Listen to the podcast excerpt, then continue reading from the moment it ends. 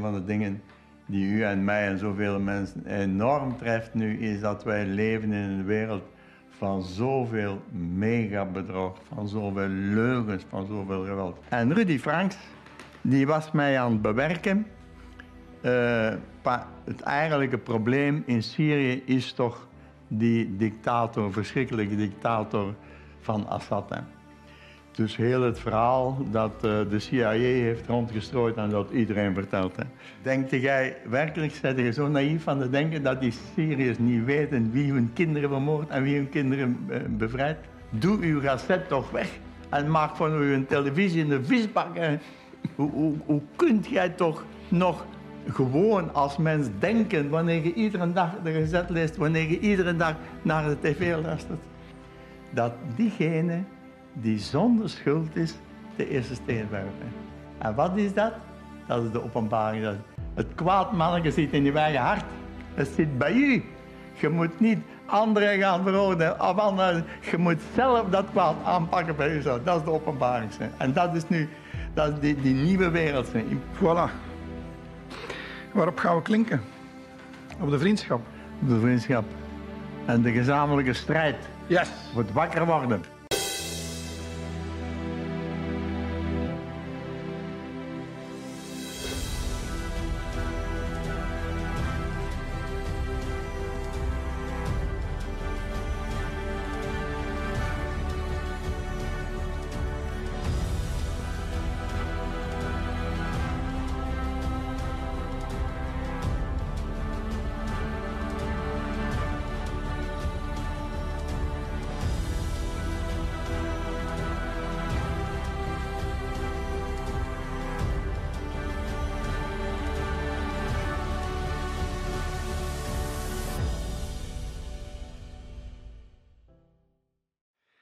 Goedemiddag, beste kijker, en welkom bij een nieuwe aflevering van Epoché, Gesprekken over Geloof.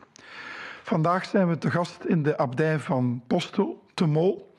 En ik heb de eer en het genoegen om een man te interviewen die al heel zijn leven strijdt voor een betere wereld.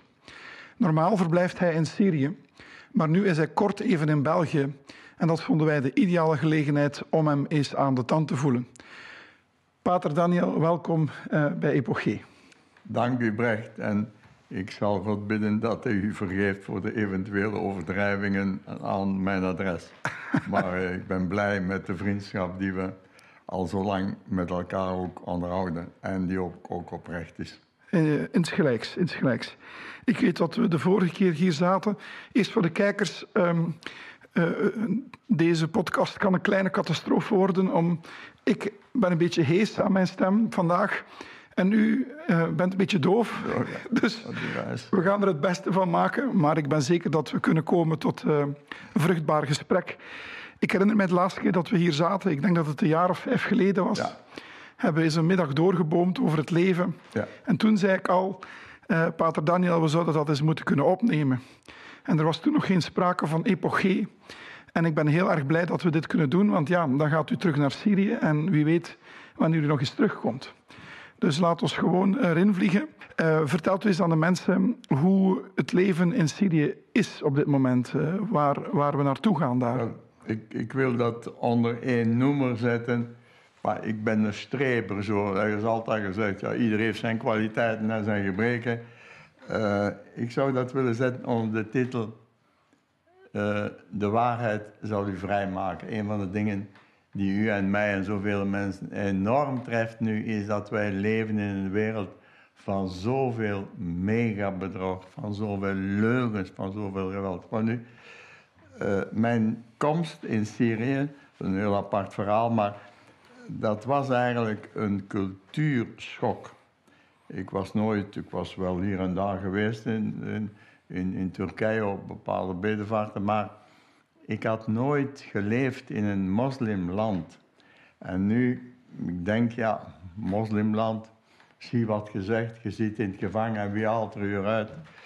Wel nu, wat ik daar meegemaakt heb voor de oorlog, dat was 2010, waarschijnlijk was de oorlog al volop aan het broeien, maar er, was niks van uh, te merken voor ons. Uh, dat was echt een cultuurschok. Ik kom daar in een land van zulke welvaart, van zulke harmonie. Het land had ook, wat ik dan later begreep, geen enkele staatsschuld. De ziekenhuizen waren gratis, ook voor mij, ook nu nog. De, de staatsziekenhuizen. Niemand vraagt naar uw naam. Je komt daar en een van die dokters, die, als die dat kan oplossen, dan doet je het. Zo niet, uh, zo is de verdieping daar.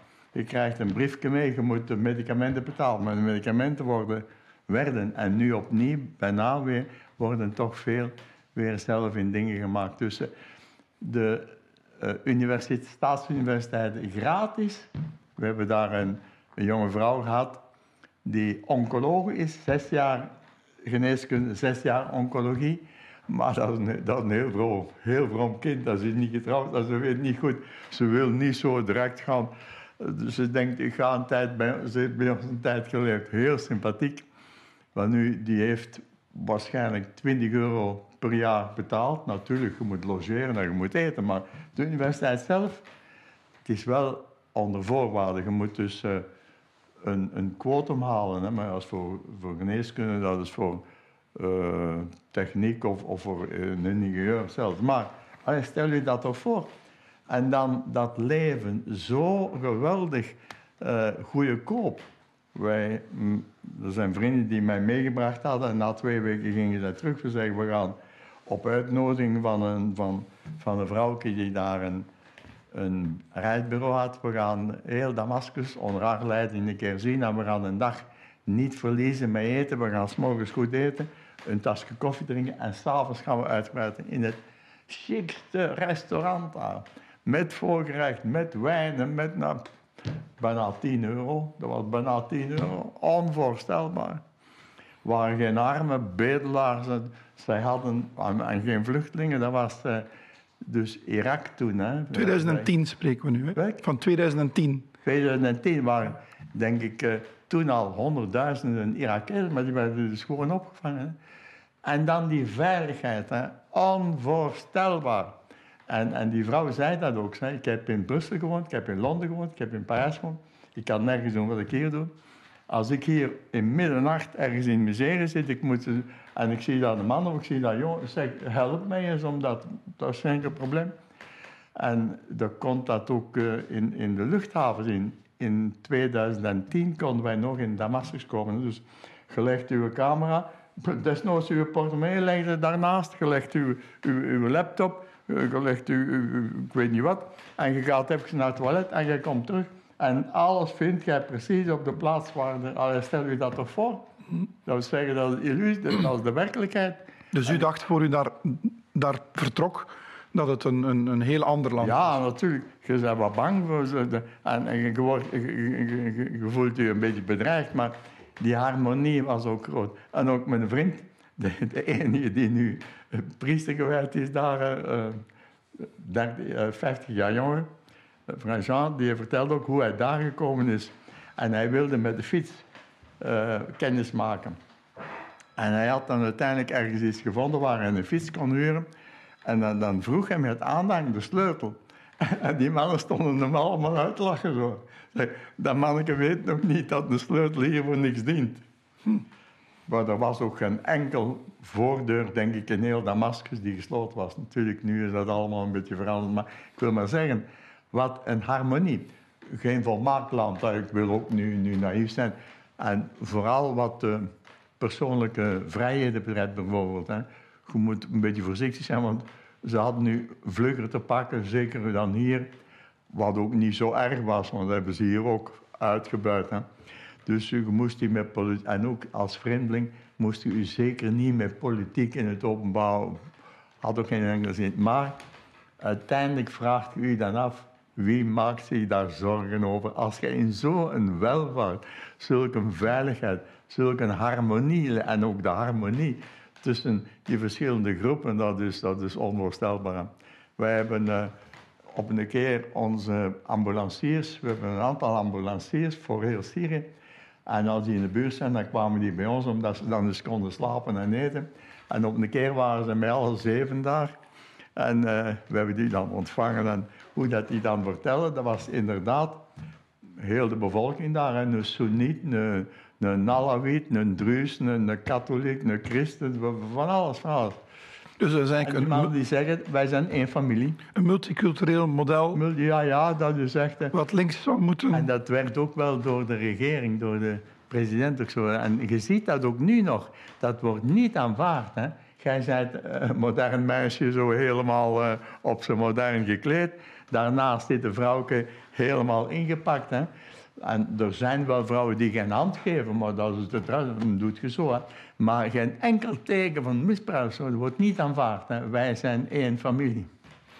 Dus eh, de Syriërs ehm, identificeren zich meer met het Syrisch zijn dan met het geloof. Ja, ja, ja. ja, ja, ja. Maar ook, ook met de, de, de eenheid nu. eh, ik zou zeggen, in Syrië weet men heel goed waar de ellende vandaan komt. Dus in heel de wereld is het één een dictator die... En dat volk moet geholpen worden om bevrijd te worden. Allemaal flauwekul. Het is gewoon propaganda om oorlog te kunnen voeren voor de Amerikanen. Om de olie te kunnen blijven stelen. Om het graan te kunnen blijven stelen. Om het volk te kunnen onderdrukken. Dus, maar zij weten heel goed wie hun kinderen vermoordt. En zij weten heel goed wie hun kinderen ook beschermt.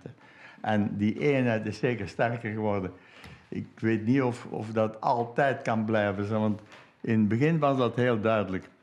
Maar in het begin van de oorlog, 12, 13, 14, 15, 16 nog, ehm, dan, eh, dan was het gevaar van die bombardementen. Nu is dat al in het noorden, nu is dat voorbij, maar nu is er echte armoede. Toen was er die, over, als je zo in overvloed leeft.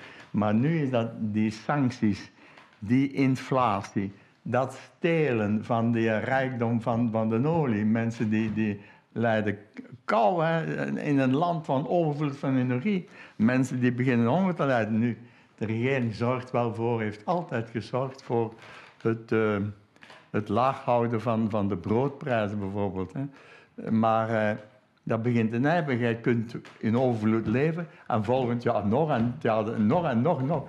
Maar dat blijft niet duren. Hè. Nu zijn wij twaalf jaar, bij, enfin, tien jaar aan die oorlog. Hè. Ja. En hoe lang denk je dat, dat de bevolking Assad nog zou willen steunen?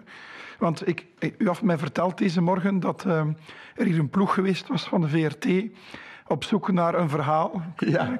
En dat ze het dan niet uitgezonden hebben. Goed, Kun je dat eens vertellen? Goed, ik ga dat vertellen. Dus Rudy Franks, zei- ik zeg goed, hè, kom maar. En eh, Rudy Franks. Rudy Franks, Ja. grote specialisten. En we zaten in de binnenkoer van de, van de abdij. Een, een, uniek kader. hè. Je moet eens een keer kijken, daar staat een sequoia, een echte. Hè? Maar die heeft natuurlijk niet het licht en, en de warmte zeker.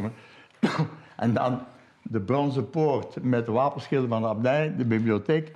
De historische brouwerijgebouw, het contactcentrum, de prelatuur en dan die majestatische eh, bijertoren. Dus dat kader. En Rudy Franks, die was mij aan het bewerken. Eh, pa- het eigenlijke probleem in Syrië is toch die dictator, verschrikkelijke dictator van Assad. hè. Dus heel het verhaal dat eh, de CIA heeft rondgestrooid en dat iedereen vertelt. Hè. Dus, eh, Wat vertellen ze eigenlijk voor alle duidelijkheid? wat ze, je moet Amerika steunen. De, de wapens moeten gezonden worden opdat dat volk kan bevrijd worden van die dictator. Het is eigenlijk altijd hetzelfde oorlogspropaganda. En, en wij moeten die, dat industrieel militair complex steunen. Vrijheid en, en, en, en vrede, dat brengt niks op, maar voor die mannen brengt oorlog op. En wie tegen wie vecht speelt geen rol. En aan wie la- wapens geleverd speelt geen nu ook in Oekraïne, dat speelt geen rol. Als er maar oorlog is, als er maar mannen, moeten miljarden gestuurd worden, er moeten oorlogsmateriaal meer en meer. Enfin, goed. En dat was ook zo'n beetje zijn dingen. Dus de, het probleem is toch, die een dictator, we moeten toch steunen. Om de vrede te bewerken, moeten wij toch dat volk steunen. En met, ja, met wapens natuurlijk, om dat te bevrijden van die dictator. En ik zeg nog tegen Ruud, ik zeg, in uw redenering heb je helemaal gelijk. Hè, wanneer een gehate dictator in een situatie komt waar eh, heel dat land meer en meer in handen van terroristen komt, die man die kan geen weken blijven leven. Die wordt door zijn eigen volk. Maar ik zeg, uw, eh, uw vertrekpunt is verkeerd. Wat ver- zegt van die man, dat is, dat is, dat is opgemaakt spel.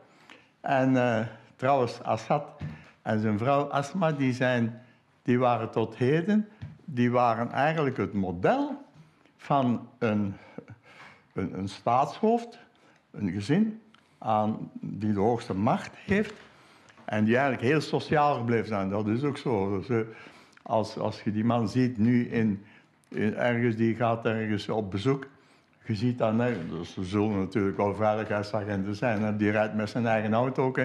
Die komt uit zijn auto en die wordt meteen besmacht. Hè. Er zijn van die oude vrouwen die, die, die En dan denk ik, Denkt jij werkelijk, zijn je zo naïef van te denken dat die Syriërs niet weten wie hun kinderen vermoordt en wie hun kinderen eh, bevrijdt?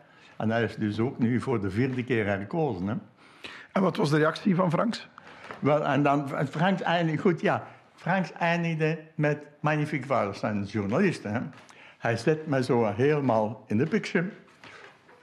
En dan vraagt hij mij, zeg, en als jij u nu eens vergist hebt, en ik weet niet meer wat ik antwoord, maar in de zin van, wat vergissen, ik, ik vertel gewoon wat ik zelf meemaak, wat ik zelf zie en wat, ik zelf ervaar daar. Hè.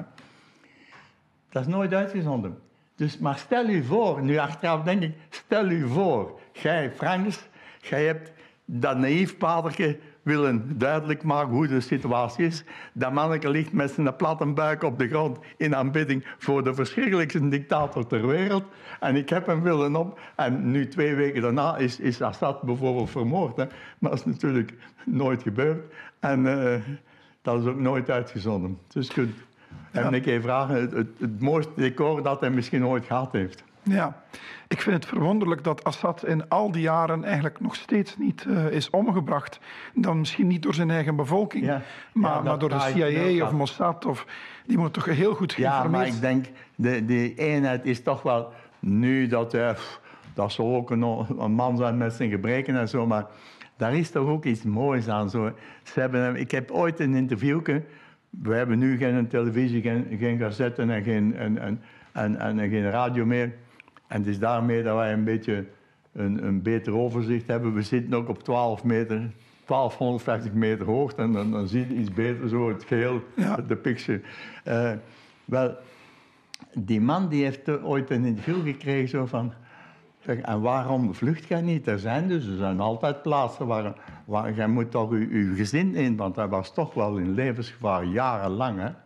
En dan antwoordt die man in alle een, zegt wij zullen ooit dit land moeten opbouwen. Hoe kan ik zeggen, mensen, wij gaan dit land opbouwen en zelf daar gaan vluchten? Nee, hij heeft... Uh, en, ook voor de christenen. Hè. Hij is uh, bijzonder... In, in Malula is daar een man vermoord, dus daar wordt die Arameese taal, de, taal van Jezus, nog gesproken en gecultiveerd.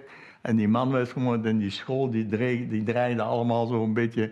Uh, in, in, in onbruik te laten. Hij gaat daar naartoe en zegt, mannen, je moet hier zorgen dat dat opnieuw eh, tot leven komt. Hè? Ja, ook de eerbied voor, uh, voor, voor het christendom, de eerbied. Hij is zelf een, een. Alawit, en dat is ook iets speciaals. Dat zijn moslims die wijn drinken. Moslims die geen moslims zijn. Ja, dat zo. is, je hebt dus de, de, de, de Soenieten, de straffen, de Shiiten en de Alawieten. Maar de christenen, die worden, niet in Syrië, maar in het algemeen door straffe moslims, dat zijn ongelovige honden. Tot daartoe. Maar de Alawieten, die zijn zogezegd moslim, maar die hebben niks. En in zekere zin zijn Alawieten nog meer gehaat dan, dan anders. Hè? Mhm. En uh, dat is toch wel merkwaardig dat zo'n man in een land van 75% Soenieten uh, zo op handen, op handen ja, hij heeft ook denk ik 70, 80 uh, en nu is hij verkozen met in de 80 procent. En ze hebben bij de verkiezingen wel gezegd aan de, de, de vrienden van Syrië, zo gezegd, dus die, die, die westerse landen, die hebben zich verenigd, nog in het begin met 110 landen, als cynisch genoemd, de vrienden van Syrië, om waarnemers te sturen voor de verkiezingen. Maar ze kwamen natuurlijk niet, want eh, om achteraf te kunnen zeggen, oh, het is allemaal bedrog. Hè, denk je dat de verkiezingen eerlijk verlopen zijn? Ja, er zijn verschillende dingen geweest. Overal zijn, zijn beperkingen, maar in ieder geval geen bedrog zoals eh, in, in zoveel democratische... Zoals in de VS? de VS. Nee, nee, dat is, dat is... En er zijn waarnemers geweest van verschillende landen. Dat is gewoon, dat is gelijk overal. En hij heeft het ook gedaan bij de eerste, toen hij verkoopt. En je ziet het ook. Hij is niet... Hij, hij, hij, twijfelt zelf, moet ik het doen, moet ik het niet doen, maar wie gaat het doen? Hij, hij, hij neemt het gewoon als zijn plicht. Hè? En uh, hij heeft dan ook, de, eerste samenkomst was met de drie kandidaten die het dus niet gehaald hadden. Ja, dat is, uh, dat, dat, dat, dat, is mooi. Daar zit iets moois in zo van, uh, ja. van, van, van niet wat onze grote democratie is. Dat is niet de westerse stijl. Maar er zit iets moois, iets, iets menselijks. En, en die hospitaliteit en, en die gemoedelijkheid, hè, dat, is, dat is toch wel speciaal. En hoe ziet u nu de toekomst van Syrië? Ah, wel, in de komende vijf jaar bijvoorbeeld? dat is heel moeilijk. Hè. Vooral omdat er nu zulke breuklijnen zijn waarvan je niet weet wat er vandaag morgen gebeurt. Maar ik hoop en ik verwacht dat de tijd ons zal redden. Amerikanen die kunnen daar, met alle macht kunnen ze daar, die zitten dus in het noorden, in de streek van waar 80, 90 procent van hun olie zit, want die zitten daar om ons te beschermen tegen olie, maar ze hebben wel hun eigen terroristen gezet en iedere week gaan daar kilo, ik weet niet hoeveel uh, uh, vrachtwagens met olie uh, gaan ze daarmee lopen. En dus het graan ook nog. En het graan wat ze niet kunnen stelen, dat, uh, af en toe stoken ze dat nog af. Maar Steken het in brand? Welk? Steken de velden in brand? Ja, ja, ja. ja. maar ook dan met Turkije. Nu is dat allemaal veel minder. Want Turkije is meer en meer naar eh, Rusland aan het keren. Maar ik, ik hoop, en een van de een, Belgische consul, een gepensioneerde man, een mooi man, die vanaf het begin recht gebleven is. Maar ik wist dat ook niet. Maar ze hebben al zijn bevoegdheden afgenomen. En die zegt, uh, het zal een kwestie van tijd zijn. En je kunt je dat ook voorstellen. Dus soms ziet je daar zo een, een, een kanjer van een, wagen die, die tot de tanden toe gewapend is. Zo een Amerikaanse wagen die een hele dorp zonder enige moeite kan platleggen. En daar komt dan een soldaat uit, zo, van al erop en eraan. Die, en dan staat daar een kleine jongen met een steen in zijn hand. Dan denk ik, wat gaat er om in het hart van die man? Zou die man ook niet een stukje geweten hebben van te zeggen: wat ben ik hier een, een crimineel in naam van een criminele regering die hier een arm volk nog armer wil maken, terwijl ze alle rijkdom hebben waar wij mee gaan lopen. Dus ja. ik hoop dat dat, en ik denk dat de tijd, de druk is ook steeds groter. Hè? Iran, eh, Syrië, maar ook eh, Rusland, eh, China, die zeggen: Amerika, je bent illegaal daar. Je steelt de armoede van dat volk, dat is omdat je alles steelt. Dus dat komt meer in op. Maar hier vind je daar niks van natuurlijk. Hier zijn het Amerikanen die ons komen helpen en humanitaire hulp geven. En Assad die dan belet dat die humanitaire hulp doorgaat naar de terroristen natuurlijk. Ja, ja, ja. En de rol van Rusland in, in dat conflict. Ik heb het gevoel gehad dat toen Rusland zich daarin begon te mengen, dat, de, de, dat het gekeerd is. Ja, ja dat, is heel, dat is heel vlug gegaan. En nu, ik zal eerst een beetje ter verantwoording van mij zeggen, want ik heb dus ooit een boekje geschreven. Poetin en Assad hebben mijn leven gered. Dat was een, een Hollandse journalist die dat, en ik dat doe, maar ah, het is ook zo. En dat is, voor mensen is dat een gruwel, is dat toch mogelijk zo. Een, een, een wildvreemde idioot rijp voor de psychiatrie. maar eh, dan zeg ik altijd, als jij in elkaar geklopt wordt en ze smijt nu in het water en, en, en je bent nog gewond en je kunt er zelf niet meer uit. En er komt iemand langs en die springt erin en die haalt eruit. Dan ga je niet kritikeren en dan zeg man, ik heb twee verschillende schoenen aan. Dan zijn je blij. En Poetin, uh, dat was uh, einde 2015.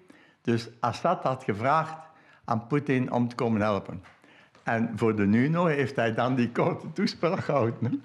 Waar hij zegt dus dat hij gevraagd en dat zij Syrië zullen gaan helpen. Nog geen 24 uur later zitten ze daar met een heel klein, maar zeer perfect georganiseerde, vooral luchtmacht, in een perfecte combinatie met het leger. En dat is als een wals is dat gegaan. Hè? En daarmee zeg ik Poetin als staatsman zo. Die man die zegt wat hij doet en die doet wat hij zegt. Ik wil die niet verheerlijken, maar hetzelfde voor, voor, voor Oekraïne daar heb ik nu wel niks meer, geen ervaring van. Maar over die labo-dingen.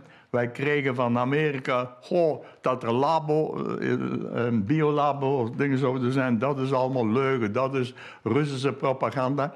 En geleidelijk aan zag je, Rusland gaat alleen, daar en daar hebben we dat gewoon allemaal objectieve dingen. Totdat natuurlijk blijkt dat de zaak nog veel erger is dan ze voorstelden. Dus die precieze. Misschien heeft Poetin één grote fout gemaakt. Dat is een van, de, van die grote uh, economen van Amerika. Met toch ook een goed hart. Hè, die zegt: Poetin heeft één grote vergissing gemaakt. Hè. Hij heeft gedacht dat de Amerikaanse politici een geweten hebben. En ze hebben geen enkel geweten. Dat is ook mijn indruk. Dat en altijd zo, het, het internationaal recht, ook met die Minsk-akkoorden van dingen, hoe is dat toch mogelijk? Dus uh, Duitsland, Frankrijk, Rusland stellen zich aan. In Oekraïne zal er vrede zijn, uh, want de Russisch sprekende Oekraïners zullen nu beschermd worden. Dat is allemaal geregeld. En uh, Duitsland en Frankrijk die zeggen nu openlijk: ja, maar we hebben nooit de minste bedoeling gehad. We hebben gewoon de bedoeling gehad om Oekraïne de kans te geven om te bewapenen. En ze zijn met tienduizenden zijn ze die mannen gaan, gaan, gaan uitmoorden. En Poetin heeft dus te laat misschien gedacht, maar ik denk niet te laat. Ik denk, zij zijn heel, heel traag, heel, heel voorzichtig. Hè. Hij kon het ook niet. Ik denk dat hij ook niet klaar was. Dat hij ook zeer goed wist de eerste stap die ik zet, ik krijg heel het Westen heen. Maakt u zich zorgen over dat conflict? Ja, ja, ja. Nee, het is hier zo de, de, dat men zegt... De eerste krant die ik hier in, handen nam, dat is... wat deze oorlog ons leert. En ik lees dan een stuk totdat mijn maag omkeert, maar heel die, die bedoeling was... Wij moeten niet meer met enkele wapentjes helpen. Wij moeten massaal samenwerken om massaal wapens te... Ah, maar dat, snapt toch het kleinste kind, dat, dat, dat met, met dergelijke wapenlevering, daar worden alleen landen en mensen vermoord. En dat is dan onze bijdrage aan de vrede. En dan denk ik dat mensen, dat je zo gedrogeerd bent, doe uw gazet toch weg en maak van u een televisie in de visbak. Hoe, hoe, hoe kunt jij toch nog gewoon als mens denken wanneer je iedere dag de gezet leest, wanneer je iedere dag naar de tv luistert. Dus de media in, in uw ogen zijn helemaal, ja, er is niets goeds meer aan eigenlijk, of? Nee, niet, niet, of weinig. Niet veel, maar ja, uh, de, de, natuurlijk, er zijn wetenschappelijke artikels en zo misschien, maar ook, hè, heel die wetenschappelijke wereld, heel die wetenschappelijke, die geneeskunde zo gezegd, dat is bij mij toch ook een, een, een desillusie geworden. Dat je denkt, ja, die worden precies helemaal alleen maar gedirigeerd door de Big Pharma. Dat is alleen maar om geld te maken. En hoeveel dokters, ik heb enkele vrienden zo, wat een pijnlijk verhaal. Hè. Eentje, een vriend, die, er zijn een aantal dokters die met die corona een, een, een, een protest geschreven hebben, maar heel nuchter met alle argumenten. En hij zegt, uh, oh, dat is magnifiek. Hij, tekent dat. Onmiddellijk van de orde der krijgt, moet je zich verantwoorden. Zegt ja, maar waarom doet u, waarom lees die argumenten? Mhm. Dus geen enkele mogelijkheid om tegen het opgelegde verhaal in te gaan. En uiteindelijk heeft hij zich dan ook nog, uh, om, om, om geen verdere moeilijkheden te maken, heeft hij zich dan toch maar laten vaccineren. Zo. En dat is een beetje de ironie die ik zie. We kijken naar landen als Syrië, die geregeerd worden door een dictator. En dan moeten we dan de mensen gaan bevrijden. Ja. Maar hier zijn we onze vrijheden sneller en sneller aan het verliezen. Plat op de buik voor de, dat, dat internationaal crimineel gedoe die al onze politici inspireren om te zeggen wat ze moeten doen. Ja. En, en de omkering ook in de media. Laatst uh, ging uh, mevrouw Kaag met de boeren gaan spreken. En die mensen hadden niks kwaad in zich. En een dag later komt het in het nieuws en het is zo gespind dat de boeren, het lijkt alsof ze Kaag bijna hadden aangevallen. Ja, ja, ja. Maar... En dan denk je van, dit is niet eens media meer, dit is echt Propaganda. Dat, dat heb ik eigenlijk allemaal een beetje geleerd in dat eerste stuk zo van de cultuurschok. Eh, er is een moment geweest dat daar in het begin van de oorlog in Syrië waren een massa betogingen. In, uh, en een van onze mensen was daarbij in Damascus. Dat was pro de regering en pro Assad. Tegen dat, dat, de dictatuur van het Westen, tegen dat terrorisme van het Westen. Maar nu, bij ons was dat precies omgekeerd. Al die vlaggetjes, dat was allemaal weg. Dat was, was, dus een, een, een volk dat opstaat tegen een dictator. En ik heb het meegemaakt hoe die opstand bij ons begonnen is. Toevallig ook. Wij gingen regelmatig naar de pastoor, uh, Abu van Kara, met de, jeugd. We kochten wat eten. Uh, op de grond daar, dat wat kwebbelen en wat eten en zo. En op een vrijdag namiddag, uh, ik was met, met nog een andere, gaan we de gewone weg langs de centrale moskee. En daar was zo'n herrie, er was zo een, een, een, een, groep van mannen met spandoeken en roepen. Dat was zo raar, we hadden het nooit meegemaakt. En heel vlug gingen we daar dan maar door om bij de pastoor aan te bellen. En de pastoor die zegt, sinds korte tijd zijn hier mensen van buitenaf, van buitenaf, die geven geld aan onze jongeren, die zeggen maak foto's en geef die aan Al Jazeera. En dat kwam hier in het nieuws, dus Heel uh, Syrië is in opstand tegen die dictator. Hè? Ja, ik heb dat gezien, zo is dat. En ik hoor dat dat op alle plaatsen ongeveer hetzelfde was. Bovendien, het verhaal van, het officiële verhaal van die uh, volksopstand, zo gezegd, van onze uh, Rudy Franks en, en, en heel de klik ook. Hè. Dat is dus, er zijn enkele kinderen in alle onschuld die schrijven wat slogans tegen de regering de muur. Die kinderen worden gevangen, die worden gemarteld, die nagels worden uitgerogen, sommigen worden gedood. Van al die kinderen heeft nooit iemand, één journalist, één teken gevonden. Dat is een verhaal dat uitgevonden is twee weken na de gebeurtenissen. Ja. Trouwens, ik moet nog een verhaaltje van ook een van onze, onze grote specialisten, journalisten van het Midden-Oosten, Jen, Jen Fransens. Hij, hij vroeg ook om een interview. hij zegt, ik zal straffe vragen stellen. Ik zeg, doe maar. Hè. De eerste vraag was, jij bent een fan van Assad? Magnifiek, hè? Ja. Dus in plaats van, zeg, hoe vind je het? Hoe, nee, nee, alles in één. Jij bent een fan van Assad? Ik zeg, uh, jij bent een fan van, van Michel, dat was toen de eerste minister. Hè? Ik zeg, ik ben een christen. Hè? En christenen zijn in de geschiedenis toch altijd wel goede burgers geweest. Zelfs in de Romeinse tijd behoorden zij tot de meest loyale burgers, maar ze deden niet mee met het afgodendienst voor, voor, voor, het offeren aan afgoden en zo. Uh, ik zeg, zo hebben wij dat altijd gedaan. Maar de, de, de, de eigenlijke inzet is niet wat van bovenaf allemaal wordt opgemaakt, maar, maar dat is wat, wat je zelf ziet. Maar hij, hij heeft dat helemaal gedraaid. Alles moest draaien rond die Assad is een... Is een, ja. het lijkt wel of dat nooit uitgezonden. Hè? Of ze geprogrammeerd zijn om een bepaalde visie ja. te gaan opdringen, herhalen, herhalen, herhalen. Maar, en er is geen journalistiek. Maar ik vraag me af, wat weet niemand? Wat weet Rudy Franks eigenlijk? En wat weet niemand eigenlijk? Weten ze het, weten ze het niet? Uh, of misschien is het veel eenvoudiger. Uh, zij kunnen geen woord buiten de lijn schrijven of ze zijn hun job kwijt. Of misschien is het uit overtuiging eh, echt. De... Misschien als je nu samen blijft en je blijft altijd die, ook die, die, die, uh, die, die, die chemische aanvallen. Dat is een drama. Hè? Hoe, dat nu, onlangs nog, hè, dat hij dus al die documenten aanhaalt. Hoe dat Assad zijn volk met chemische aanvallen. Wij hebben van, niet van dichtbij, maar van toch. Uh, een, van de grootste aanvallen meegemaakt. Dat is in Ghouta daar. Hè. 73 zeker, was het, september, begin van de maand. Uh, omdat er twee weken vooraf overvallen waren in Latakia, de, de juiste dorpen van de Alawieten.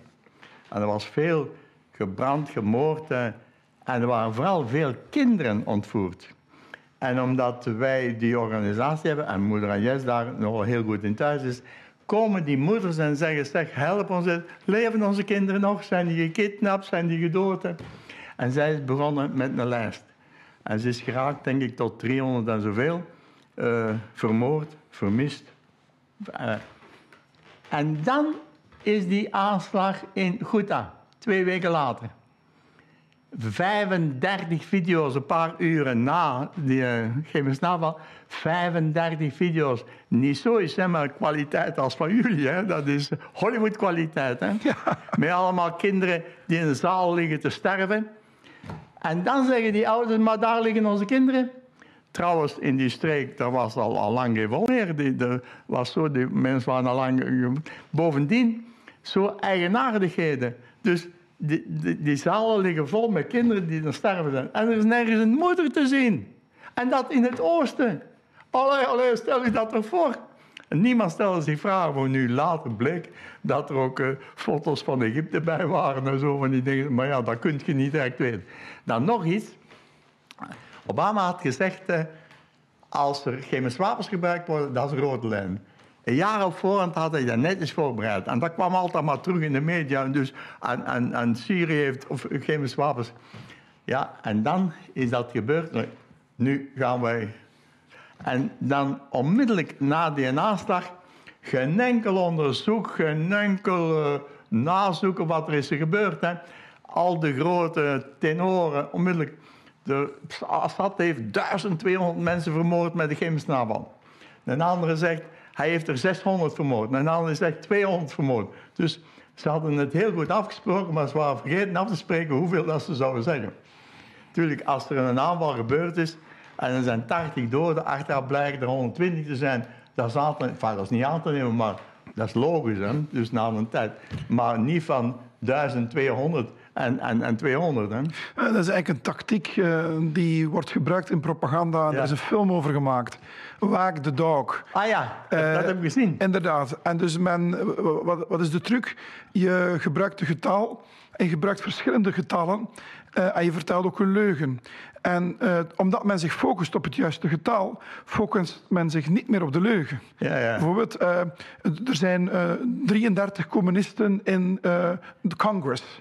Nee, nee, er zijn er maar 22 in Congress. Nee, nee, er zijn er maar 5 in Congress. En op de duur begint iedereen te discussiëren over hoeveel communisten er zijn. Terwijl er misschien niet eens zijn. Niet, niet eens dus er zijn heel veel trucs. Manipulatiemogelijkheden. Ja, ja, ja, ja, Goed, maar dat is dat is een beetje mijn verhaal zo van... Uh, uh, waar sommigen nu nog kwaad om zijn. Zeg, hij schijnt uh, iets positiefs te zeggen van Assad. maar, die, maar de mensen worden zich wel bewust. Ja. Hoe zij gedrogeerd zijn.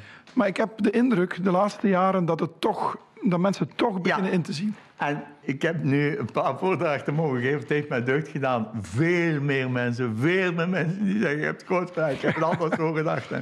Het geeft mij hoop. Want ik moet zeggen, de laatste maanden heb ik mij toch... Um, ja, een beetje neerslachtig gevoeld bij Um, soms denk je met bewust wordende mensen dat je ook wel in een bubbel zit. En dat nog steeds heel veel mensen niet bewust zijn. Ja. En als je aan honderd Vlamingen zou vragen, is Assad een dictator die weg moet?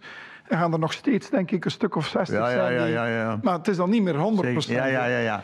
Maar het is toch traag. als er tegen uh, wind is, dan is het goed. Maar het, het is nog klein. En, en ook de algemene opinie, dat gaat allemaal gewoon door. Hè? Zelfs de mensen die overtuigd zijn dat het allemaal puur bedrog is, zij leven mee, want je kunt bijna niet anders. Ja.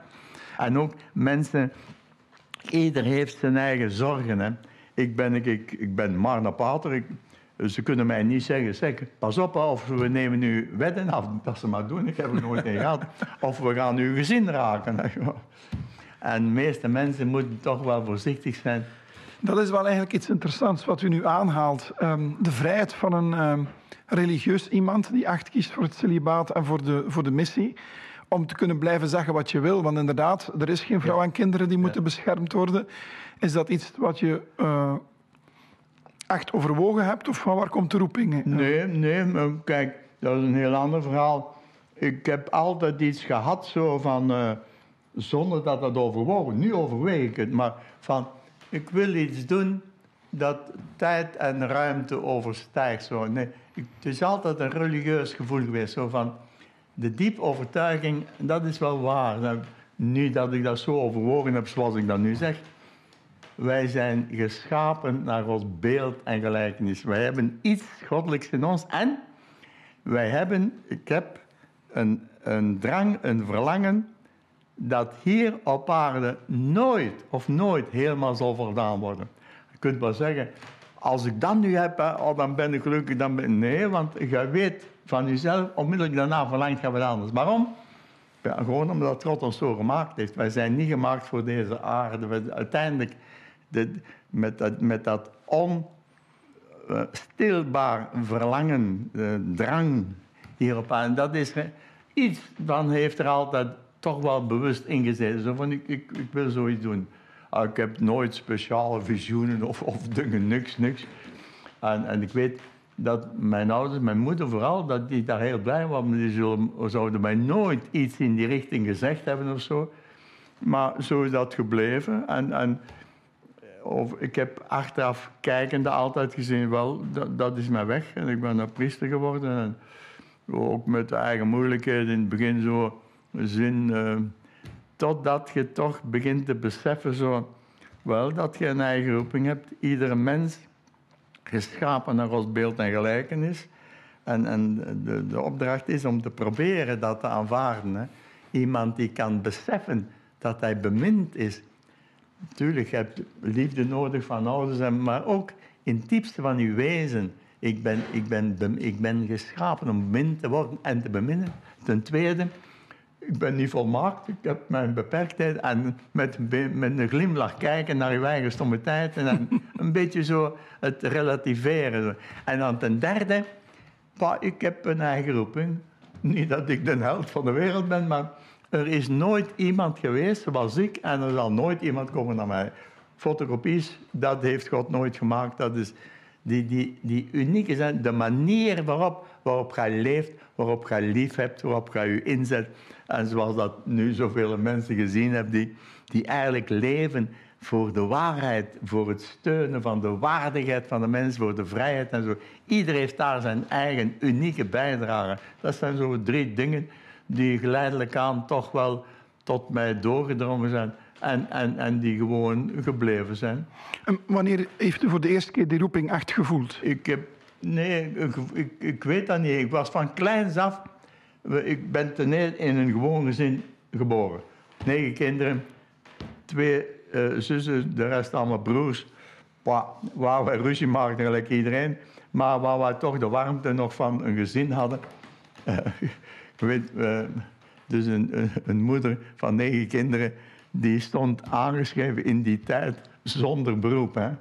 En dat is niet zomaar zonder zeggen. Want de betekenis voor een maatschappij, dat is toch iemand die, in een, die, die werkt aan, in een fabriek of die, die de maatschappij opbouwt zonder beroep.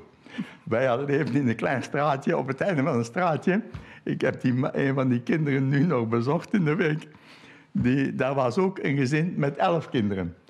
Ook een moeder zonder, zonder beroep. Terwijl het eigenlijk het belangrijkste is. Deze twee moeders, ja. die hebben dus twintig mensen de kans gegeven, ontwikkeling gegeven, maar zonder beroep, zonder waarde. Ja. Daar heb ik altijd mee moeten lachen. Zo. Ik ook. En, en dat is toch wel iets dat in onze moderne tijd um, niet meer wordt gewaardeerd. Nee. Het moederschap. Uh, ten onder, ten onder. Ja, vrouwen moeten zich meten in de markt met mannen. Nu, en... Ik wil er een correctie bij voegen. Hè. Ik heb dat ooit, ooit verteld. En bij mijn eerste voordracht was die vrouw daar, dat was een dokteres. En die zegt ook een goede vriendin, dat, dat gezin, ik ken die. En die zegt, vader, ik heb groot gelijk. Maar als ik alleen mijn huishouden moet doen, dan word ik zot. Maar dat is gezond, hè? Er zijn zoveel mogelijkheden om dat te regelen. Maar je mag de kern niet loslaten van... Uh, een moeder die moet per se doen en de kinderen die moeten in, in en zo opgevoed. Dus de zorg dat een, de gezin eigenlijk de basis is van alles, van alle ontwikkeling. Ik zeg, soms vragen ze, wat is nu het belangrijkste? En dan zeg ik wel eens, het allerbelangrijkste in het leven, dat is bijvoorbeeld ouders die de schoenveters van hun kinderen dicht doen. Of de, knopen van het jasje leren licht doen. Omdat ik daar, ik heb een herinnering als kind formidabel. En dat is al alsof, alsof ik het gisteren meemaakte. Ik had, mijn schoenveter was kapot. Maar ik had niet gezien dat dat maar een stukje was. Dat was niet in het midden gebroken. Hè. En ik wenen, ik, ik weet dat nog, heel de wereld verging. Hè. Er, was, was geen troost meer te vinden. En wenen, want die kon ik nu niet meer gaan. Zo. En ik, ik was niet nog niet in staat om die zelf dicht te doen. Mijn moeder komt toegelopen, die kijkt, die doet dat prutsje eraf en dat was weer gedaan. En ik had toen een gevoel van een zaligheid, zo, wat ik ook nu nog voel. Zo. Er is niks, alles is in orde. Prachtig. Ja. Zeg, dat is, en dat zijn toch de ervaringen van het leven die u, die je meedraagt. En, en nu heb ik de indruk dat er toch heel veel gebroken gezinnen Ja. zijn. eh, heel veel kinderen eh, van gescheiden ouders. Ja. Die, ja, bedoel, men doet het werken, hè, maar, Ja. maar toch, dat is toch een zeker trauma voor dat Ja, de, wij hebben nu twee eh, verlaten kinderen opgenomen. Dus vanaf het begin hebben we opgestaan voor de Noorden. Nu als plakkaat zo wij gaan. Maar als er echt kinderen... We hebben ook een, een straat, een fameuze straatjongen opgevangen. Dat is nu, dat is nu met een engel echt... eh, maar dat was een, een gewelddadige kerel. En ze zeiden, zeg, als we die laten loslopen... Hè, dat, die ging van, van station naar station zo. Dat was 14 jaar, of 13 jaar toen. Eh, dat wordt een Al Capone in het kwadraat. Hè. En we hebben die opgenomen. Maar nu zijn er ook twee kinderen, echt verlaten kinderen van een parochie, waar de diaken en, de parochieraad zegt, zeg, nu zitten we toch in miserie. Want die vader, dat is een analfabeet, een goede man, maar die is niet in staat om voor die kinderen te zorgen. Die moeder is vanaf het begin al weggelopen. En die grootouders, de grootmoeder heeft eigenlijk de kinderen op, maar nu is die grootmoeder zwaar ziek. En die zijn bij ons geweest, kennis gemaakt en uiteindelijk hebben we die opgenomen, want we hebben al heel veel kinderen opgenomen. Niet om die te hebben, maar we zeggen erbij, jij bent de ouder, jij bent verantwoordelijk. Hè? Maar gezien de situatie nu, wij willen gerust helpen, zolang als nodig. Maar jij bent... En zo zijn het ook verschillende teruggegaan. Maar nu, in mijn eerste dagen, een van die kleintjes, drie jaar en vier jaar en een half, daar valt met zijn snoetje op de stenen. Allemaal zo ge- gekwetst, hè tranen, maar er kwam geen kiek uit. Wat doet een kind? Dat is mama, mama. Die heeft nooit een mama gekend die hen in nood te, eh, komen helpen. Zo. Ja. Nu hoe is het je- allemaal veranderen. Ja, ja. En hoe sta je dan in het leven, vraag ik me af. hè, Als je die basale zorg niet hebt gehad. ehm, je kijkt er toch helemaal anders naar. En, eh, want het christendom, als we daar dan eventjes dieper op ingaan, is gewoon echt conservatief. Ja. Ehm, en vandaag de dag conservatief zijn, ja, wordt nog altijd scheef bekeken. Alsof Ja. je ouderwets bent. Behalve Orbán, die is nu sterk genoeg en we hopen dat hij volhoudt. Hè. Wij zijn patriotistisch in de goede zin. Wij houden van de traditie van ons land. Wij zijn christelijk en een huwelijk, dat is man en vrouw en kinderen. De originaliteit van het leven. Hè. Maar ja, ze gaan hem ook nekken langs alle kanten. Hè. Ja, maar dus eh, de woke-filosofie is niet aan u besteed dan. Nee, nee, nee, nee, nee. Nee, wij hebben, te, wij hebben een eenvoudig leven gehad zo. En nog eh, het nadeel misschien een beetje minderwaardigheidsgevoel. Ik denk dat wij een beetje, ik, eh, omdat wij, eh, wij zijn grootgebracht onder de tafel. Hè. Ik ben in 38 geboren, was de oorlog nog niet, maar in 40. is dat- En dan die bombardementen, dan wisten wij, zo als je iets flits hoort, hè, dat onder de tafel. En mijn ouders vertelden altijd dat ik toch zo'n westeraar was. En dat ik iedereen buiten tafel duwde, niet uit, maar uit onrust. Zo van, zo, en en ik, ik, herken dat zo, het gevoel van, mijn ouders houden van mij, maar zij zijn, zelfs zij zijn niet in staat om mijn leven te redden. En dan maar West, en iedereen zat buiten, ik zat onder. Zo ergens een, een, een tekort aan de veiligheid. En later uh, beter dat een beetje zo van, nou, het is niet de moeite om zoveel drukte te maken, maar dat draagt je toch een tijd mee. Zo. Is dat waar, waar God eh, in de picture kwam? Ja, ja ook eh, waar, waar het, het vertrouwen eigenlijk. Hè, want ik, ik had eigenlijk eh, een, een vertrouwen in mijn ouders, heel groot, maar heel veel mensen hebben dat natuurlijk. Hè. Mijn moeder was die, geen enkele opleiding, mijn vader ook niet. Maar mijn moeder, ik heb mijn moeder nooit gekend van te zeggen, zeg, je moet mama deze avond gerust laten, want ze gaat met vriendinnen, ik weet niet wat.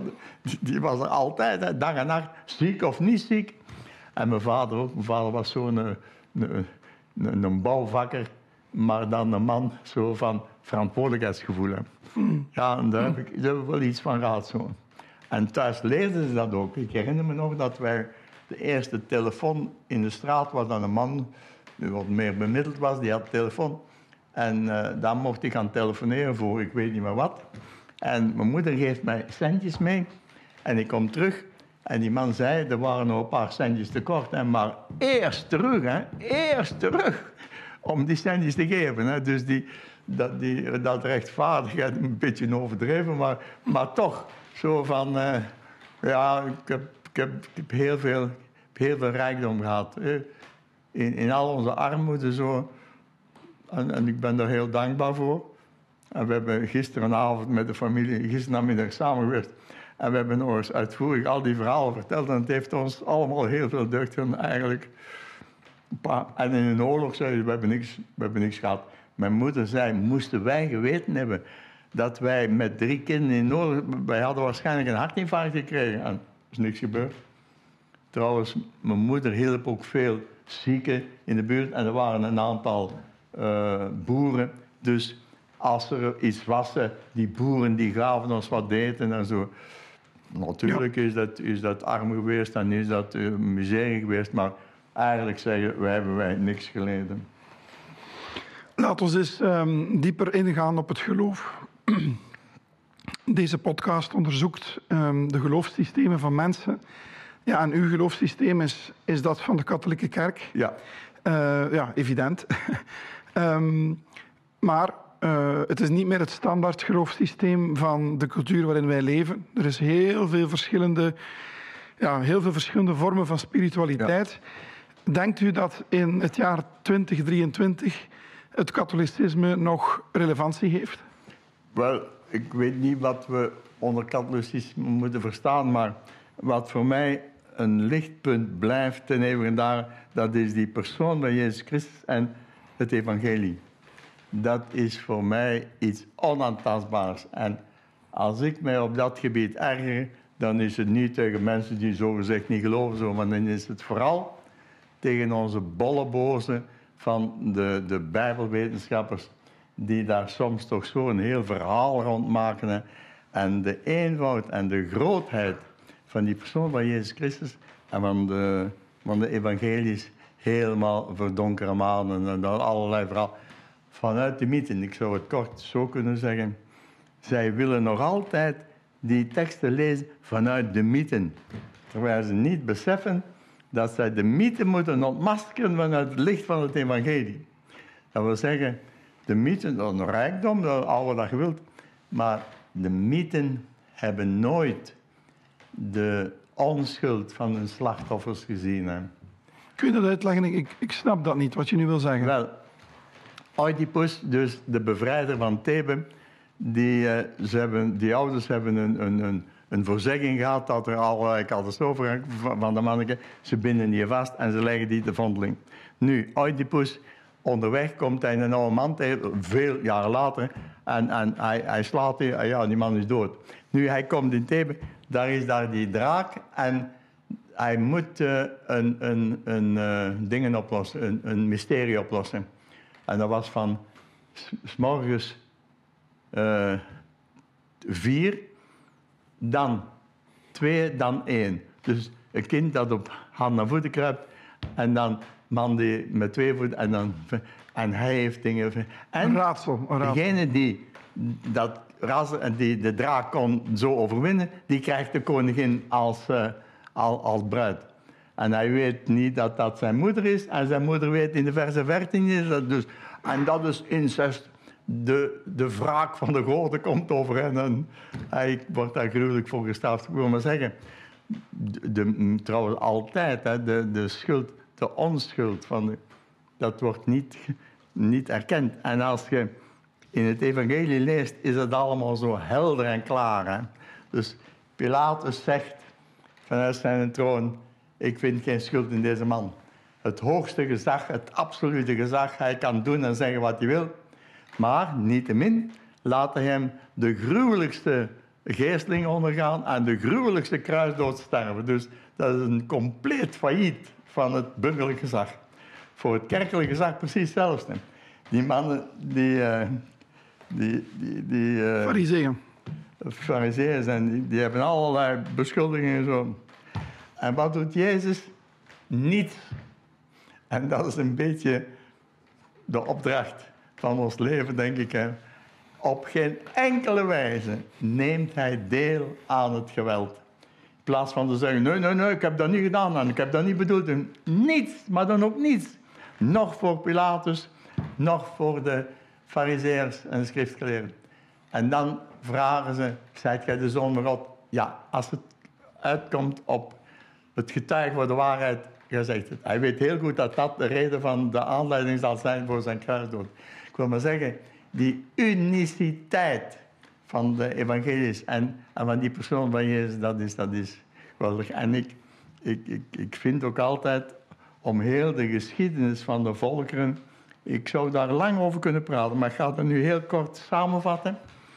De, het ontstaan van de oude volkeren, de archaïsche volkeren tot nu toe.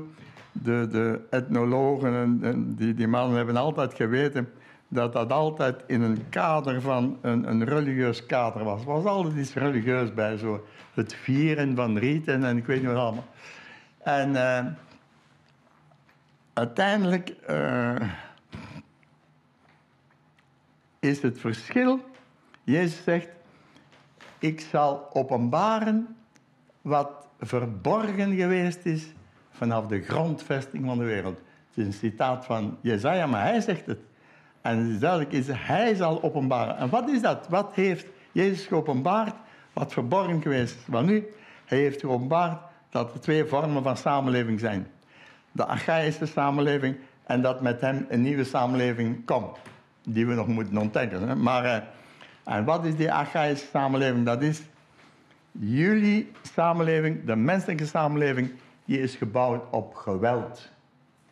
Gebouwd op jaloezie, op ergernis.